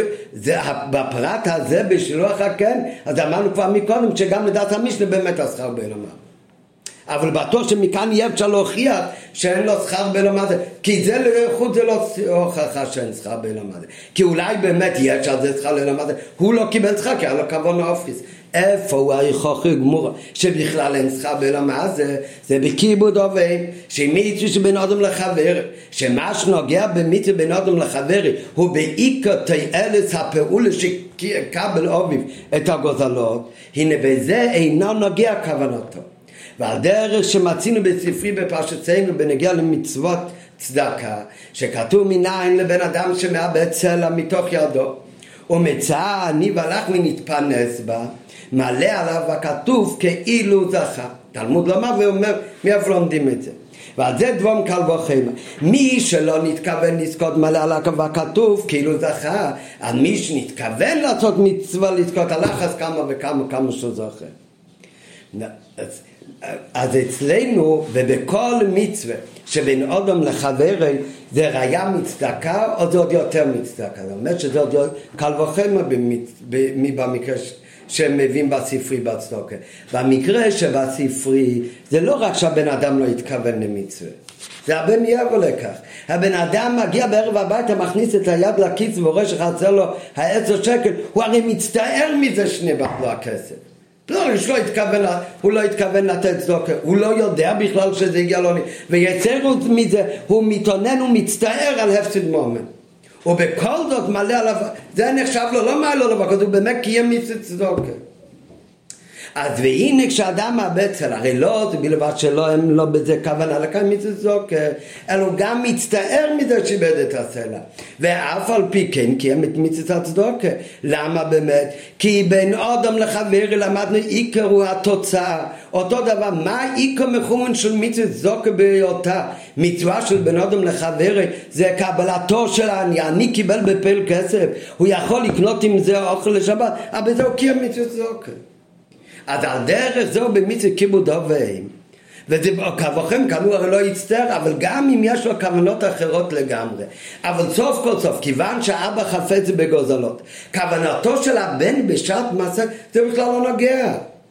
היי בלבד שיביא את הגוזלות לאבא שלו. ובזה קיים מצווה כיבוד אוהבים ועל פי זה מובן שעיקר הראייה שצריכה מצווה בהאי על מלקה הוא דווקא, לדעת רבי יעקב, הוא דווקא מהמקרה שנפל ומת. בקיום מצוות כיבודיו כי מאחר שגם כשהיא נעשית בכוונה הופכית עדיין מצווה היא כנ"ל הרי בהכרח לומר שיאריכו ימיך באלום שכולו יארוך אין אלא במצוות של בין אדם למקום אלא גם במצוות של בין אדם לחברו הכל לדעת רבי יעקב לעומת זאת הרמב"ם שמסביר את המשנה במסכת פאה, לפי המשנה במסכת פאה, באמת במצוות שבין אדם לחבר יש שכר בעולם הזה. ובכיבוד אוהבים, באמת השכר הוא באמת בעולם הזה.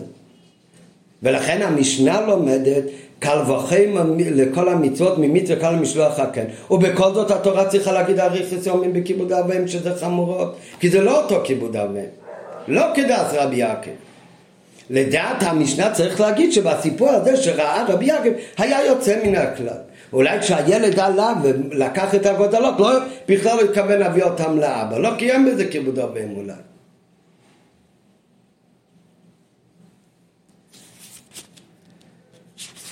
אבל לדעת רבי יעקב שלשיטתו אין בכלל צרכה מה זה מובן עכשיו למה הראייה היא דווקא לא משילוח הקרן, אלא בעיקר מהעניין של הכיבוד הרבה. בהערות הרב מביא שלכאורה מה שאנחנו אומרים שבמיץ שבין לחבר העיקר זה הפעולה שאני קיבל את הצדקה לכאורה יש בזה אפשר לשאול מזה שכתוב בחז"ל ורם מביא גם להלכה שמי שנותן צדקה לעני בסבב פנים רעות ופניו כבושות בקרקע אפילו נותן לו אלף זובים איבד זכותו, זכותו והפסידה לכאורה, זה הפך מה שלמדנו מקודם. הרי למדנו כאן, למד, הכוונה לא, הכוונה לא נוגע. העיקר זה התוצאה בפעל. אז על זה מביא בהערה שזה לא שאלה בכלל. העיקר הוא בפועל, הכוונה, מה זה העיקר בפועל? שאני אקבל. מה הכוונה יקבל? לא רק שיקבל כסף, שיקבל הנאה. כשנותנים לשני כסף, אפילו אלף זהובים, אבל ביחד עם זה נותנים לו את זה בפנים רעות, ופניו כבושו בקרקע, אז זה לפעמים מצער את העני באמת עוד יותר ממה שהוא היה מביא לו כסף. ולכן איבד את כל זכות זה. באמת לא רק בגלל כבונס הנסן, זה גם בגלל התוצאה, בגלל המקבל. כשבן אדם מקבל כזה וזה בפעמים יופת, אז הוא שימח את העני, זה, זה חלק מהקבולת הצדוקה. כשהוא נותן את זה בעין רעה, ואני מגיש את זה, אז בזה הוא צייר אותו. אז גם זה שהוא איבד כאן את זכות זה, לא בגלל הכבון הרע שלו, אלא זה באמת כי זה יתקבל אצל המקבל, לא באופן שצריך להיות במצוות הצדוקה. טוב, זה מי שרוצה לעיין, זה רב מביא בהערות למטה ב-55 ועוד.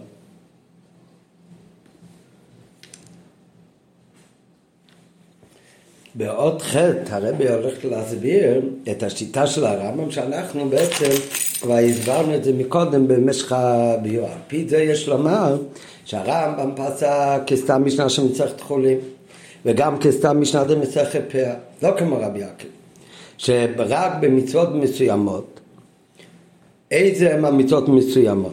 דהיינו מצוות שבין אדם לחברי, אז האדם אוכל פרצם בלמעשה. אבל בשאר מצוות בשעה מצווה, שזה בין אודם למוקים, כמו בשלוח הקן, אז למען ייטב לא חיינו לו אילם שכל היטב, וערכת היום עמנו לעולם שכל הארוך, הקמנו לעולם הבא. ומטעם זה לא הביא הרמב"ם את הפסוק למען ירחוני ימך למען ייטב לו, שכתוב בכיבוד אביהם. כי באמת בנוגע לכיבוד אביהם, אף על פי שהפסוק הזה כתוב קודם, אז גם לשיטס הרמב"ם, כמו המשנה בפייר, והסוף משנה בחולין, אז באמת לדעת הרמב"ם, שם באמת יש שכר גם בעולם הזה. כי במצווה שבין אדם לחבר גם לרמב"ם סביר לשפצם בעולם הזה. אז הפסוק שכתוב אריך רצון בכיבוד אוהבים, אז זה באמת לשיטת הרמב"ם אריך רצון כפשוטה. ואין מכאן סתירה לדברי הרמב"ם, שמתן שכרון של מצווה והטבש נזכרו אם שמענו דרך השם הכתוב בתורה היא חיי עולם הבא כי לפי הרמב"ם גם במצוות שבין אדם לחברי עצם ועיקר השכר גם בבין אדם לחבר הוא באמת לעולם הבא. הקרן, שזה העיקר, הוא קיים לעולם הבא. ובמילא לשון שכר מצווה בהאי על מלק מתאימה גם לדעת הרמב"ם והמשנה, אבל לא באותו אופן כמו מה שרבי יעקב אומר. לדעת הרמב"ם שכר מצווה בהאי על מלק, הכוונה זה שעיקר השכר עולה למבא. אבל יש שכר מסוים פריסאים נכונים גם בין המעשה באמת. באיזה מצווה, אבל לא בכל המצווה, במצווה בין אודם לחברי. המחלקת אינו אלא בנגע לפירותיהם.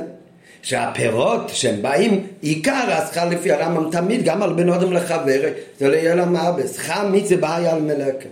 אבל עדיין יש גם שכר באלם הזה בבן אדם לחברי. זה הכוונה פריציים באלם הזה. מה שבא כפירות מתוך עצם השכר. מתך למען יריחני אומרך למען ייטב לך באילום הבא אז יש פירות גם באילום הזה שלדעת המשנה והרמב"ם עניין זה ישנו אבל איפה במצווה של בן אדם לחברי שמנויו במשנה בפסח אספה ואילו, נדלק על הסוגריים רגע, לדעת רבי יעקב, גם מצוות אלה שבין אדם לחברי, אין אדם איך לפרסם בעולם הזה. לדעת רבי יעקב בכלל אין מושג של פר, פרסם בעולם הזה, אפילו לא בין אדם לחברי. ואת זה הוא מוכיח, כמו שאמרנו מקודם, דווקא ממצוות כיבוד אבן, שזה מצוות שבין אדם לחברי. בסוגריים המרובעות אז נראה שגם באדמו הזקן בלושן החסידס זה גם מתאים לשיטת הרמב"ם. שהאלתרבה מביא, וזה שאמרו חז"ל, ששכר מצווה בהאי על מלקה, זה מאיגרת הקודש, אבל בעולם הזה הגשמי הוא בעל גבול, אי אפשר להתלבש שום הערה מער אינסוף ברוך הוא במעשה הצדקה וגמילות חסדים שאדם אוכל פירותיהם בעולם הזה יש נקבים על דרך משם ביבוש העליון להאיר מהם ולהשפיע אור ושפע ימין העריכם בין המעשה הגשמי וכולי אז מה רואים מכאן? שגם מה שהאדמו"ר הזקן כותב בגט הקודש בתניא, אז הוא מחבר בין שני הדברים. מצד אחד שכר מצבעי על מלקה, הוא אומר איזה שכר בעי על מלקה? זה השכר הבלי גבול, שזה באמת יכול להיות רק לאוסיד לובי. אבל ביחד עם זה הוא אומר שיש פרצם באלומה זה, שזה השכר המוגבל שיכול להיות גם באלומה זה. זאת אומרת מצד אחד יכול להיות עניין שכר ועדיין להגיד על זה ששכר מצווה היה על מלקה כי תכלס השכר הוא בעולם הבא וזהו שיטת הרמב"ם. באיזה עניינים בבין אדם לחברי בבין אדם למוקים אז בזה בכלל אין עניין של פרצם בעולם הזה מגיע דאז רבי יעקב בברייתא שחולק על המשנה כמו והרמב"ם הרי פוסק כמו המשנה בא דאז רבי יעקב בברייתא וחולק על זה הוא אומר שאפילו בבין אדם לחברי אז גם כן אין פרצם בעולם הזה למדנו כבר בתחילת השיחה, מביא באריכות את כל הלשון של הרמב"ם בהלכיס תשובה, שיש כל היהודים הגשמים, ואם תשמעו בקהילה השם, אז מנוצרתי גשמיכם בעיתון, שמסביר את הכל בגשמיות. את כל הדברים האלה, שמונה שם בהלכיס תשובה ברמב"ם, שיש יהודים גשמים, יש הבטחות בגשמי שיהיה טוב בעולם הזה, זה לא כתוב רק על מצוות של בן אדם לחברו. זה גם כולל במצוות של בן אדם למקום, והיה אם שומר יא תשמעו בקל השם. אם בחוקי צי תלכו ונתתי גשמכם בעיתו. זאת אומרת שלא רק על מצוות שבין אדם לחבר יש שכר, יש פריסם בעולם הזה, אלא לכאורה יוצא מכאן שגם במצוות שבין אדם למוקים, אז גם כאן יש עניין של שכר בעולם הזה. ועל זה נלמד עכשיו בתביעו שיש הבדל בין שכר לבין כל היהודים הרשמים שמעריך הרמב"ם בהלכיס תשובה שזה לא כשכר תוצאה מעבודת השם אלא אדרבה כשיהודי עובד את השם כמו שצריך להיות אז הקדוש ברוך הוא מספק ליהודי שהוא העבד שלו את כל הצטרכות הגשמים כדי שיכול להמשיך לעבוד אותו כמו שצריך להיות. אז זה בכלל לא עניין של נתיני שכר זה חלק תוצאה מהווידה ואדרבה זה הקדומה שיכול להמשיך לבוא כמו שצריך להיות. שכר זה הכוונה עניין שמגיע אחרי וכתוצאה מהווידה וזה מה שממשיך באותת שכל זה אמור לעניין שכר מיציס. שכר זה הכוונה עניין צדדי שמגיע לאדם עבור קיום המיציס. אבל היהודים בתורה שעוסקים באילם הזה זה בכלל עניין של שכר צדדי זה שייך לעצם הציווי על קיום טרומיצס. על דרך משל, בן אדם שקונה עבד לשמש אותו, אז צריך האדון לתת לעבד את כל ההצטרכויות של העבד, כדי שהעבד יוכל לעבוד את האדון, כדי שיוכל למלות את העבודה המוטלת עליו. על דרך זה, כשמבקש העבד להוסיף ולשמש את האדון באופן מעולה יותר, לעשות עוד דברים, אז גם האדון מוסיף לו עוד כהנה וכהנה דברים, כדי שאיתם הוא יוכל באמת למלא את ההוספה בעבודתו. כל הדברים האלה שהאדון נותן בצורה כזאת לעבד, זה לא נקרא שכר על עבודה, זה לא שכר שמגיע עבור ולאחרי עבודה. זה מעין הכשר והכנה קודם לעבודתו. ועל דרך זה בישראל. מאחר שהקדוש ברוך הוא נתן לנו תורה זו עץ חיימי, ממילא הבטיחנו בתורה שאם נעשה אותה בשמחה ובטובת הנפש ונגה בחוכמתה תמיד אז הקדוש ברוך הוא הבטיח שנוכל לעשות את זה, יאסור ממנו כל הדברים המונים אותנו מלעשות אותה, כגון חולי, מלחמה, רע וכיוצא ב... וישפיע לנו. כל הטובות ונשב פנים ללמוד בחוכמה ולעשות המצווה, ועל דרך זה להפך. אם הוא לא עובד את הקודש ברוך אז הוא כבר לא צריך את היהודים האלה. וזה אינו דבר צדדי, אלא זה הכרח כביכול. מצד הציווי על קיום תירו מצווה, אז הקדוש ברוך הוא צריך להבטיח גם שהוא יוכל לקיים את זה. איך הוא יוכל לקיים את זה? על ידי שיצירו ממנו את כל הדבורים המינימום העקבים. ובפרט הזה אין הבדל בין מצווה שבין אדם לחבר לבין אדם למוקם. בדבר הזה, אז כל היהודים גשמים, אז זה מובטח ליהודי לא רק למצווה שבין אדם לחבר, אלא גם בין אדם למוקם. בצד העניין הזה שוות כל המצוות. כי זה לבוס טיימה, כל מצווה, גם בין אדם למוקם, כדי לקיים אותה, צריך שהבן אדם יהיה בריא ולא חולה ושיהיה לו כסף ויהיה לו פנוס, ושיוכל להמשיך לעבוד את השם. מה זה עניין של שכר? עניין של שכר זה אחרי אביידה מקבל קבול השכר עניין צדדי. אחרי ועבור מה שהוא כבר עשה.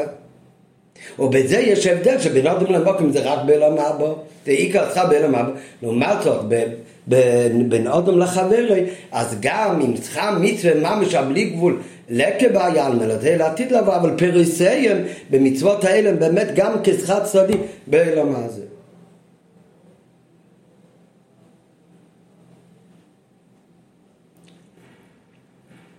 על, על פי זה, אז איזה דבר אפשר להגיד שהוא חלק מהייעוד, ועל איזה דברים נגיד שזה כבר עניין של שכר.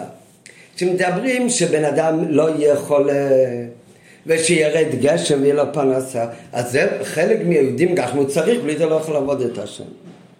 אריכוס יומי, אם על הבן אדם נגזר שהוא צריך לחיות 70 שנה לא, אז אם זה עניין שייעוד שיוריד ממנו כל הדברים המונים כדי שהוא יוכל לעבוד את השם, לא, אז הוא עד גיל 70 עבד את הקודש ברוך הוא.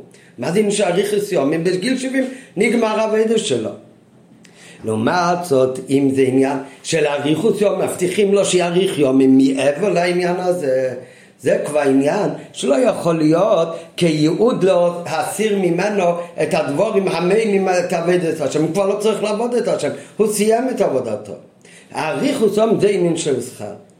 ולכן בנגיע לאריכוס יומים, אז כאן אריכוס יומים שכתוב בשלוח הכאן, זה אריכוס יומים בעולם הבא, זה עניין רוחני. לעומת זאת בקיום מצווה שהוא בין אדם לחברי, בכיבוד אבוהם, אז כאן באמת וערכתו יומים זה באמת אריכות ימים בגשמיות. וכאן גם השכר אחרי אביידה זה גם שכר גשמי ולכן מעריך יומים בעולם הזה. וזהו גם תוכן החילוק בפועל בין שכר מצווה ליהודים הגשמים. היהודים הגשמים מסיימים לאדם לקיים תרום מצווה הם כדברי הרמב"ם כגון סובה ושלום ומלכוס וישיבת הארץ, הצלחת המעשה, זה הכל עניינים המוכרחים או מניעת הפחם שמחזקות את ידינו לעשות את התורה. אבל שכר מצווה זה באופן שלא בערב, זה עניינים נוספים שנותן הקודש ברוך הרבה יותר מן הכרחיות של האדם. זה הרבה יותר מהכרחיות, ונראה בהמשך זה גם עניין של אריכוס יומים, שזה כאילו אחרי שכבר מסתיים הווידה כמו שצריך להיות.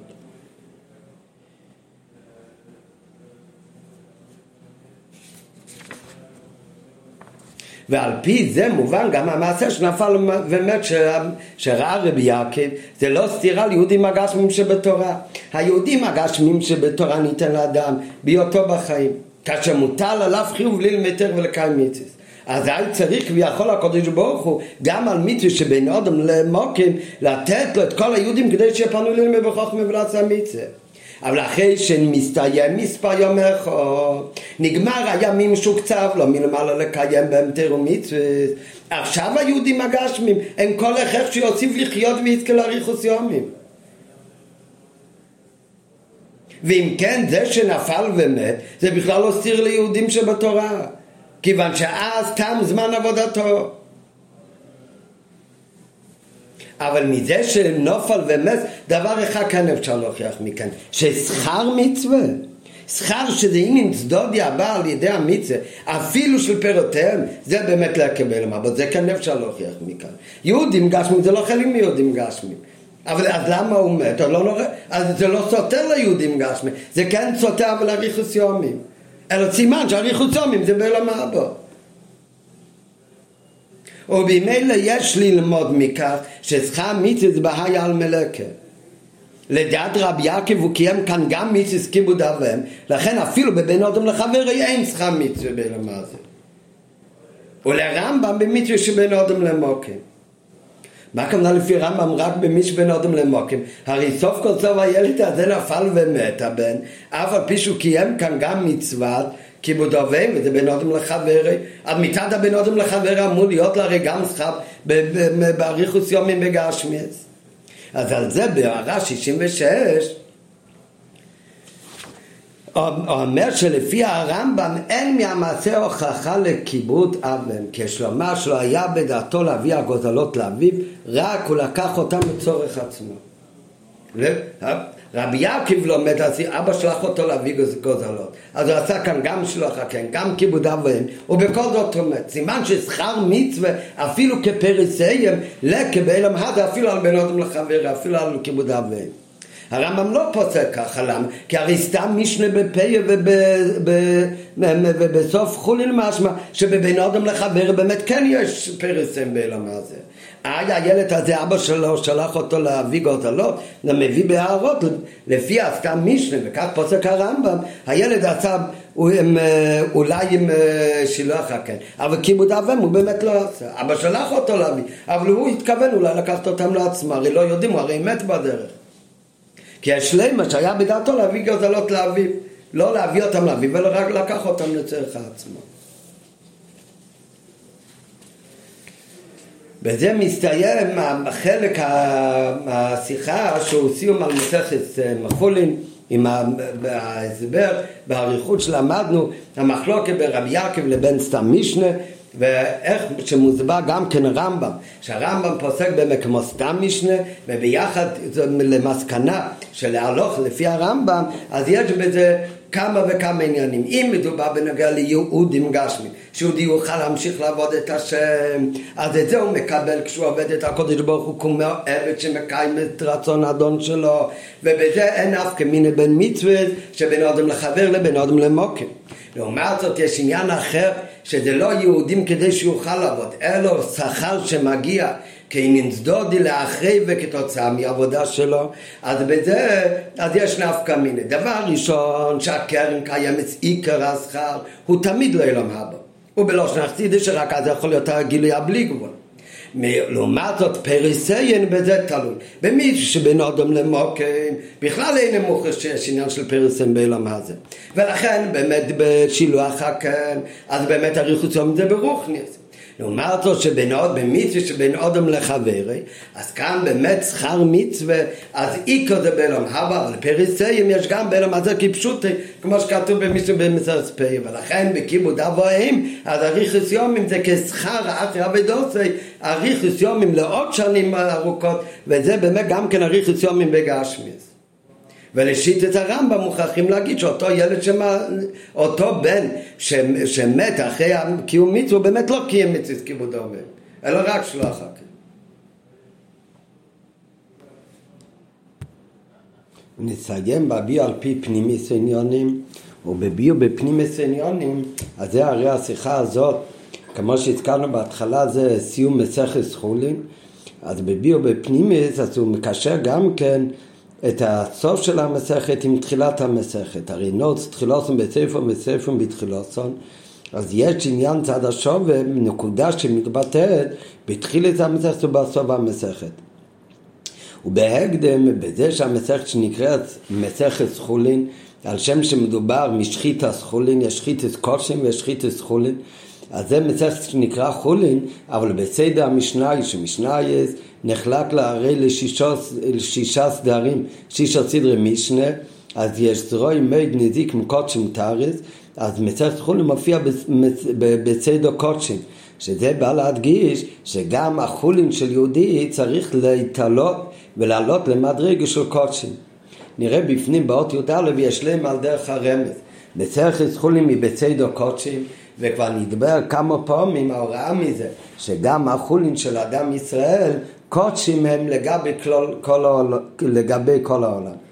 והאופן והדרך שעניין זה בא לידי גילוי שלקחה גם את החולים והופכים את זה לעומת מה שיש בכל העולם לעניין של קודשים, כמובן לגבי קודשי המקדוש, אז זה הרי חולים, אבל עדיין זה חלק בסדר קודשים, כי החולין של יהודי לגבי כל העולם גם זה עניין של קודשים.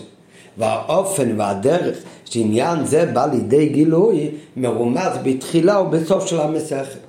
תחילת המסכת הוא הכל שוחטים, שחיטה ובכמה מקום, במקומות נקרא כל המסכת בשם שחיטת חולין שעניינה כדברי הגמרא שאין ושחט אלא הוא משך.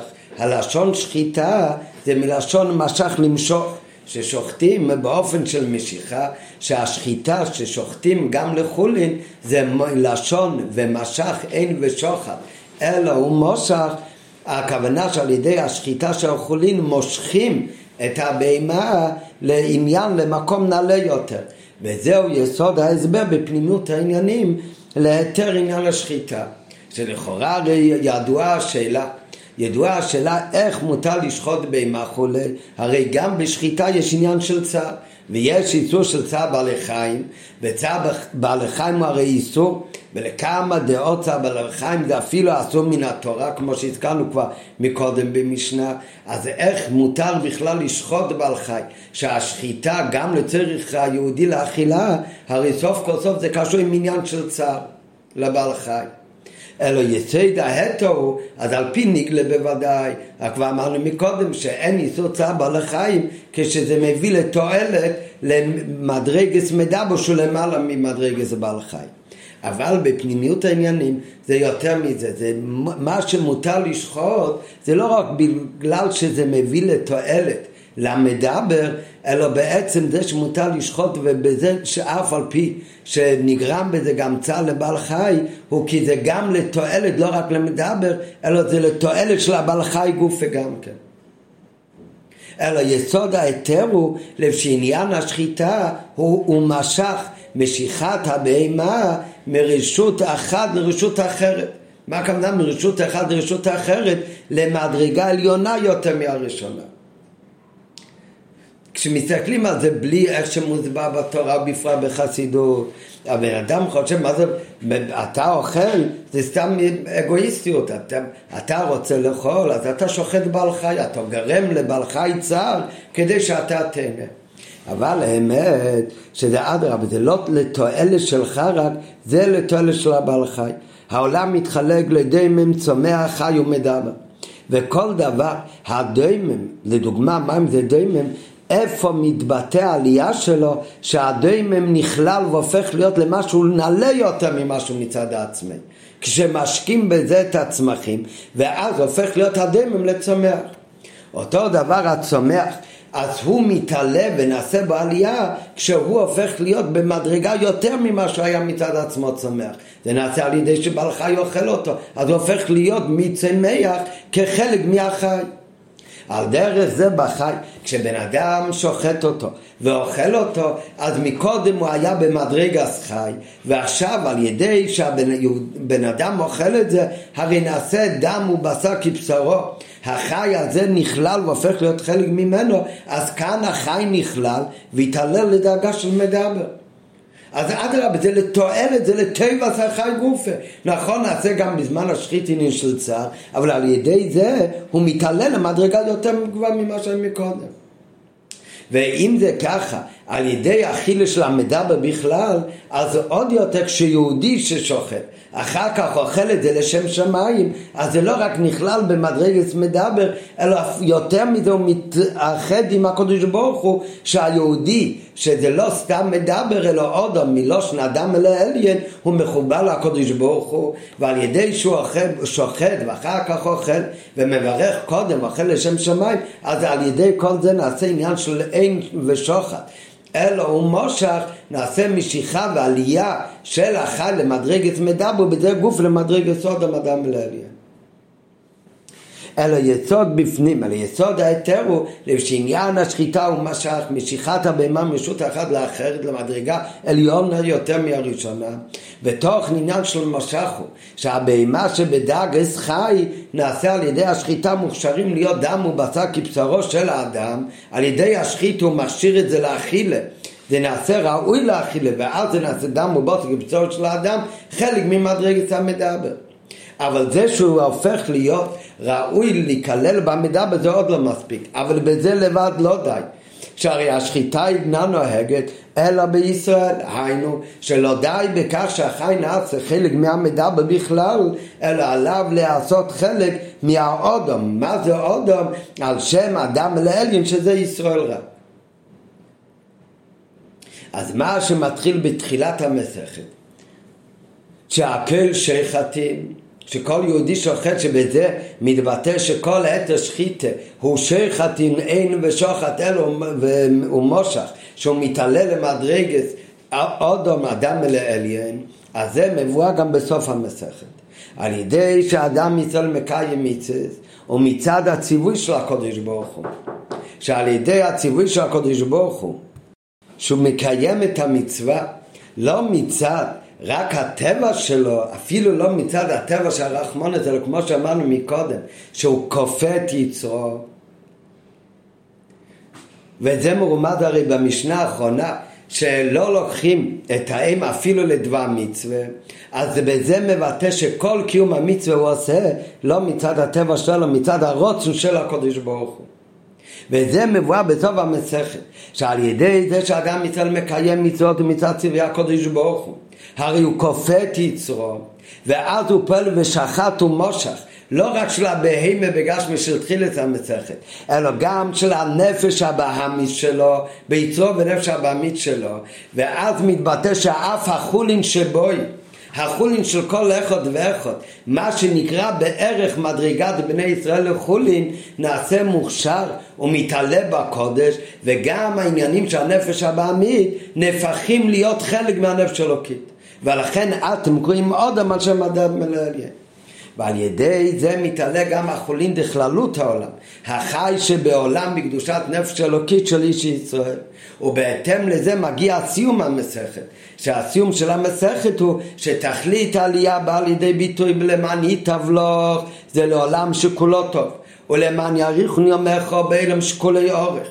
שאז יהיה מקושר בגלוי עם הקודש ברוך הוא וגם עניינים אחרונים של יהודי. גם הגשמי שלו הכל יהיה בגלוי ביום שכולי אורך מקושר עם הקודש ברוך הוא עד שגם גופו ונפשה בעמית יוכללו בקדושה ויהיו ניזונים מאלוקות. שזה תכלס הזכה שיהיה בעולם הבא לא עשית לו וזה מביא בהערה שזה הולך לשיטת הרמב"ן כי הרי הרמב"ם אומר שמה זה יום שכולי אלא מה בזה הולך על גן עדן זה שיטס הרמב"ם. אבל דעס הרמב"ם וכך הוא גם אחראי על פי קבולה וחסידס שמה זה אילם הבא אילם הבא הכוונה זה לתחיית המסים שבתחיית המתים אז יהיה אילם שכולי טב שזה מסתדר יותר עם מה שהוא אומר כאן בשיחה שההתחלה שם והסוף המסכת שגם החולין גם גוף היהודי גופה ונפש הבעמית מתעלה והופך להיות כלי לנפש של הקיס ויהיה מחובר בגלוי ללוקוס זה יתגלה לעוsid לו וביים שקולי אורוך דווקא בגופים גשמים גם כן אז להתחיל את המסכת מדבר על זה לקחת את הבהמה כפשוטי, בהמה גשמיס, ולהפוך אותה מחולין לקודשים. אז טוב המסכת מדבר לקחת את הנפש שבא משבאודום ואת גופי ולהפוך אותו גם כן לעניין הליקי. וזה מתבטא בזה שיהיה העיקר שכר ביום שכולי היטב ולמען יריחנו ימיך בהלם שכולי אורך שלדעת הרמב"ם וכך היא האחרונה על פרצידס וקבולה שזה באלו מתחיל נשום את זה בגופים. והקיום העניין הזה לעשות על ידי מיצס, ובפרט שעושים את המיצס, שזה לומדים מהמשנה אחרי לא מצד הטבע שלך, אלא לא חופץ יצרי, מצד קיום הקודש ברוך הוא. ובזה מחברים גם מס יצרי, נפש הבא מצווה גוף לליכוז. זה הרי אביידה שכל יהודי מקיים על ידי קיום מצווס. מכיוון שבעמך כולם צדיקים, ומתי עמך כולם צדיקים, כי כל ישראל הם מלאי מצווס, כמלאי מצווס, שהם נקראים צדיקים על שם קיום המצווס, אז זה תמיד, ובפרט בחידש אלול, שבחידש אלול כל יהודי עוסק בעבדה של חידש אלול, שהעבדה בחידש אלול היא בכל הגימל קווים, כמרומז בראשי תיבות של חודש אלול, שהראשי תיבות זה אינו לידו ושמתי לך, שזה פסוק שמדבר על אורי מיקלו. זה בפרטיות, אף שבכללות זה הולך על הזמן של חידש אלול. שבכללות הזמן של חידש אלול הוא זמן תשובה. אבל בפרטיות יותר, על מה הולך הרמז הזה של אינו ליודי ושמתי לכו שיהודי בורח לו רמיקלות שבכלול זה עניין התשובה, אבל זה במיוחד בעניין של לימוד התרא. כי הרי הגמרא אומר במסכת מכות, וזאת התורה. ואחר כתוב הדינים של אורי מיקלוט זה בא לרמז של דברי תורה קולטים כמו אורי מיקלוט קולט כך דברי תורה קולטים מן העבירות אז אינה לידו ושמתי לך ראשי תיבות מרמז על המידע של תרם הראשי תיבות השני של אלו של אני לדודי ודודי לי זה החיבור מלמטה למעלה יהודי לקודש ברוך הוא מרמז על אבידס התפילה. אחר יש עוד ראשי תיבות בחידש אלו איש לרעהו מתנות לאביונים זה קו של גמילות חסדים זה הקו של גמילות חסדים. אז יוצא שבחודש אלול, שבכללות זה עניין התשובה, אז כל יהודי מתחזק בכל השלושה קווים של תורה, עבודה וגמילות חסדים.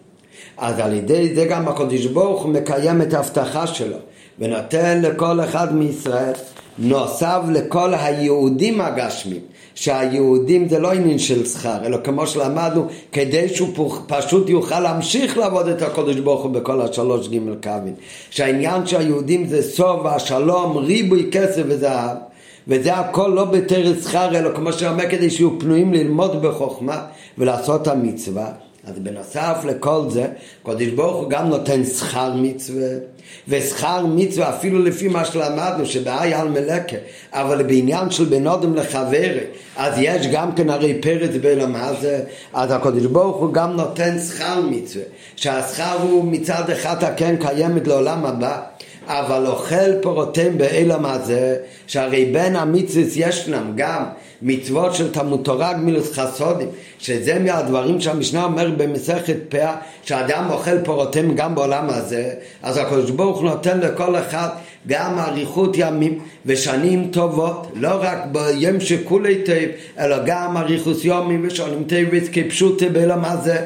וכל אחד מישראל בתוך כלל ישראל זוכה לכתיבה וחתימה טובה, לשנה טובה מתוקה בטוב הנראה והנגלה למטו מעשור הטפוחים.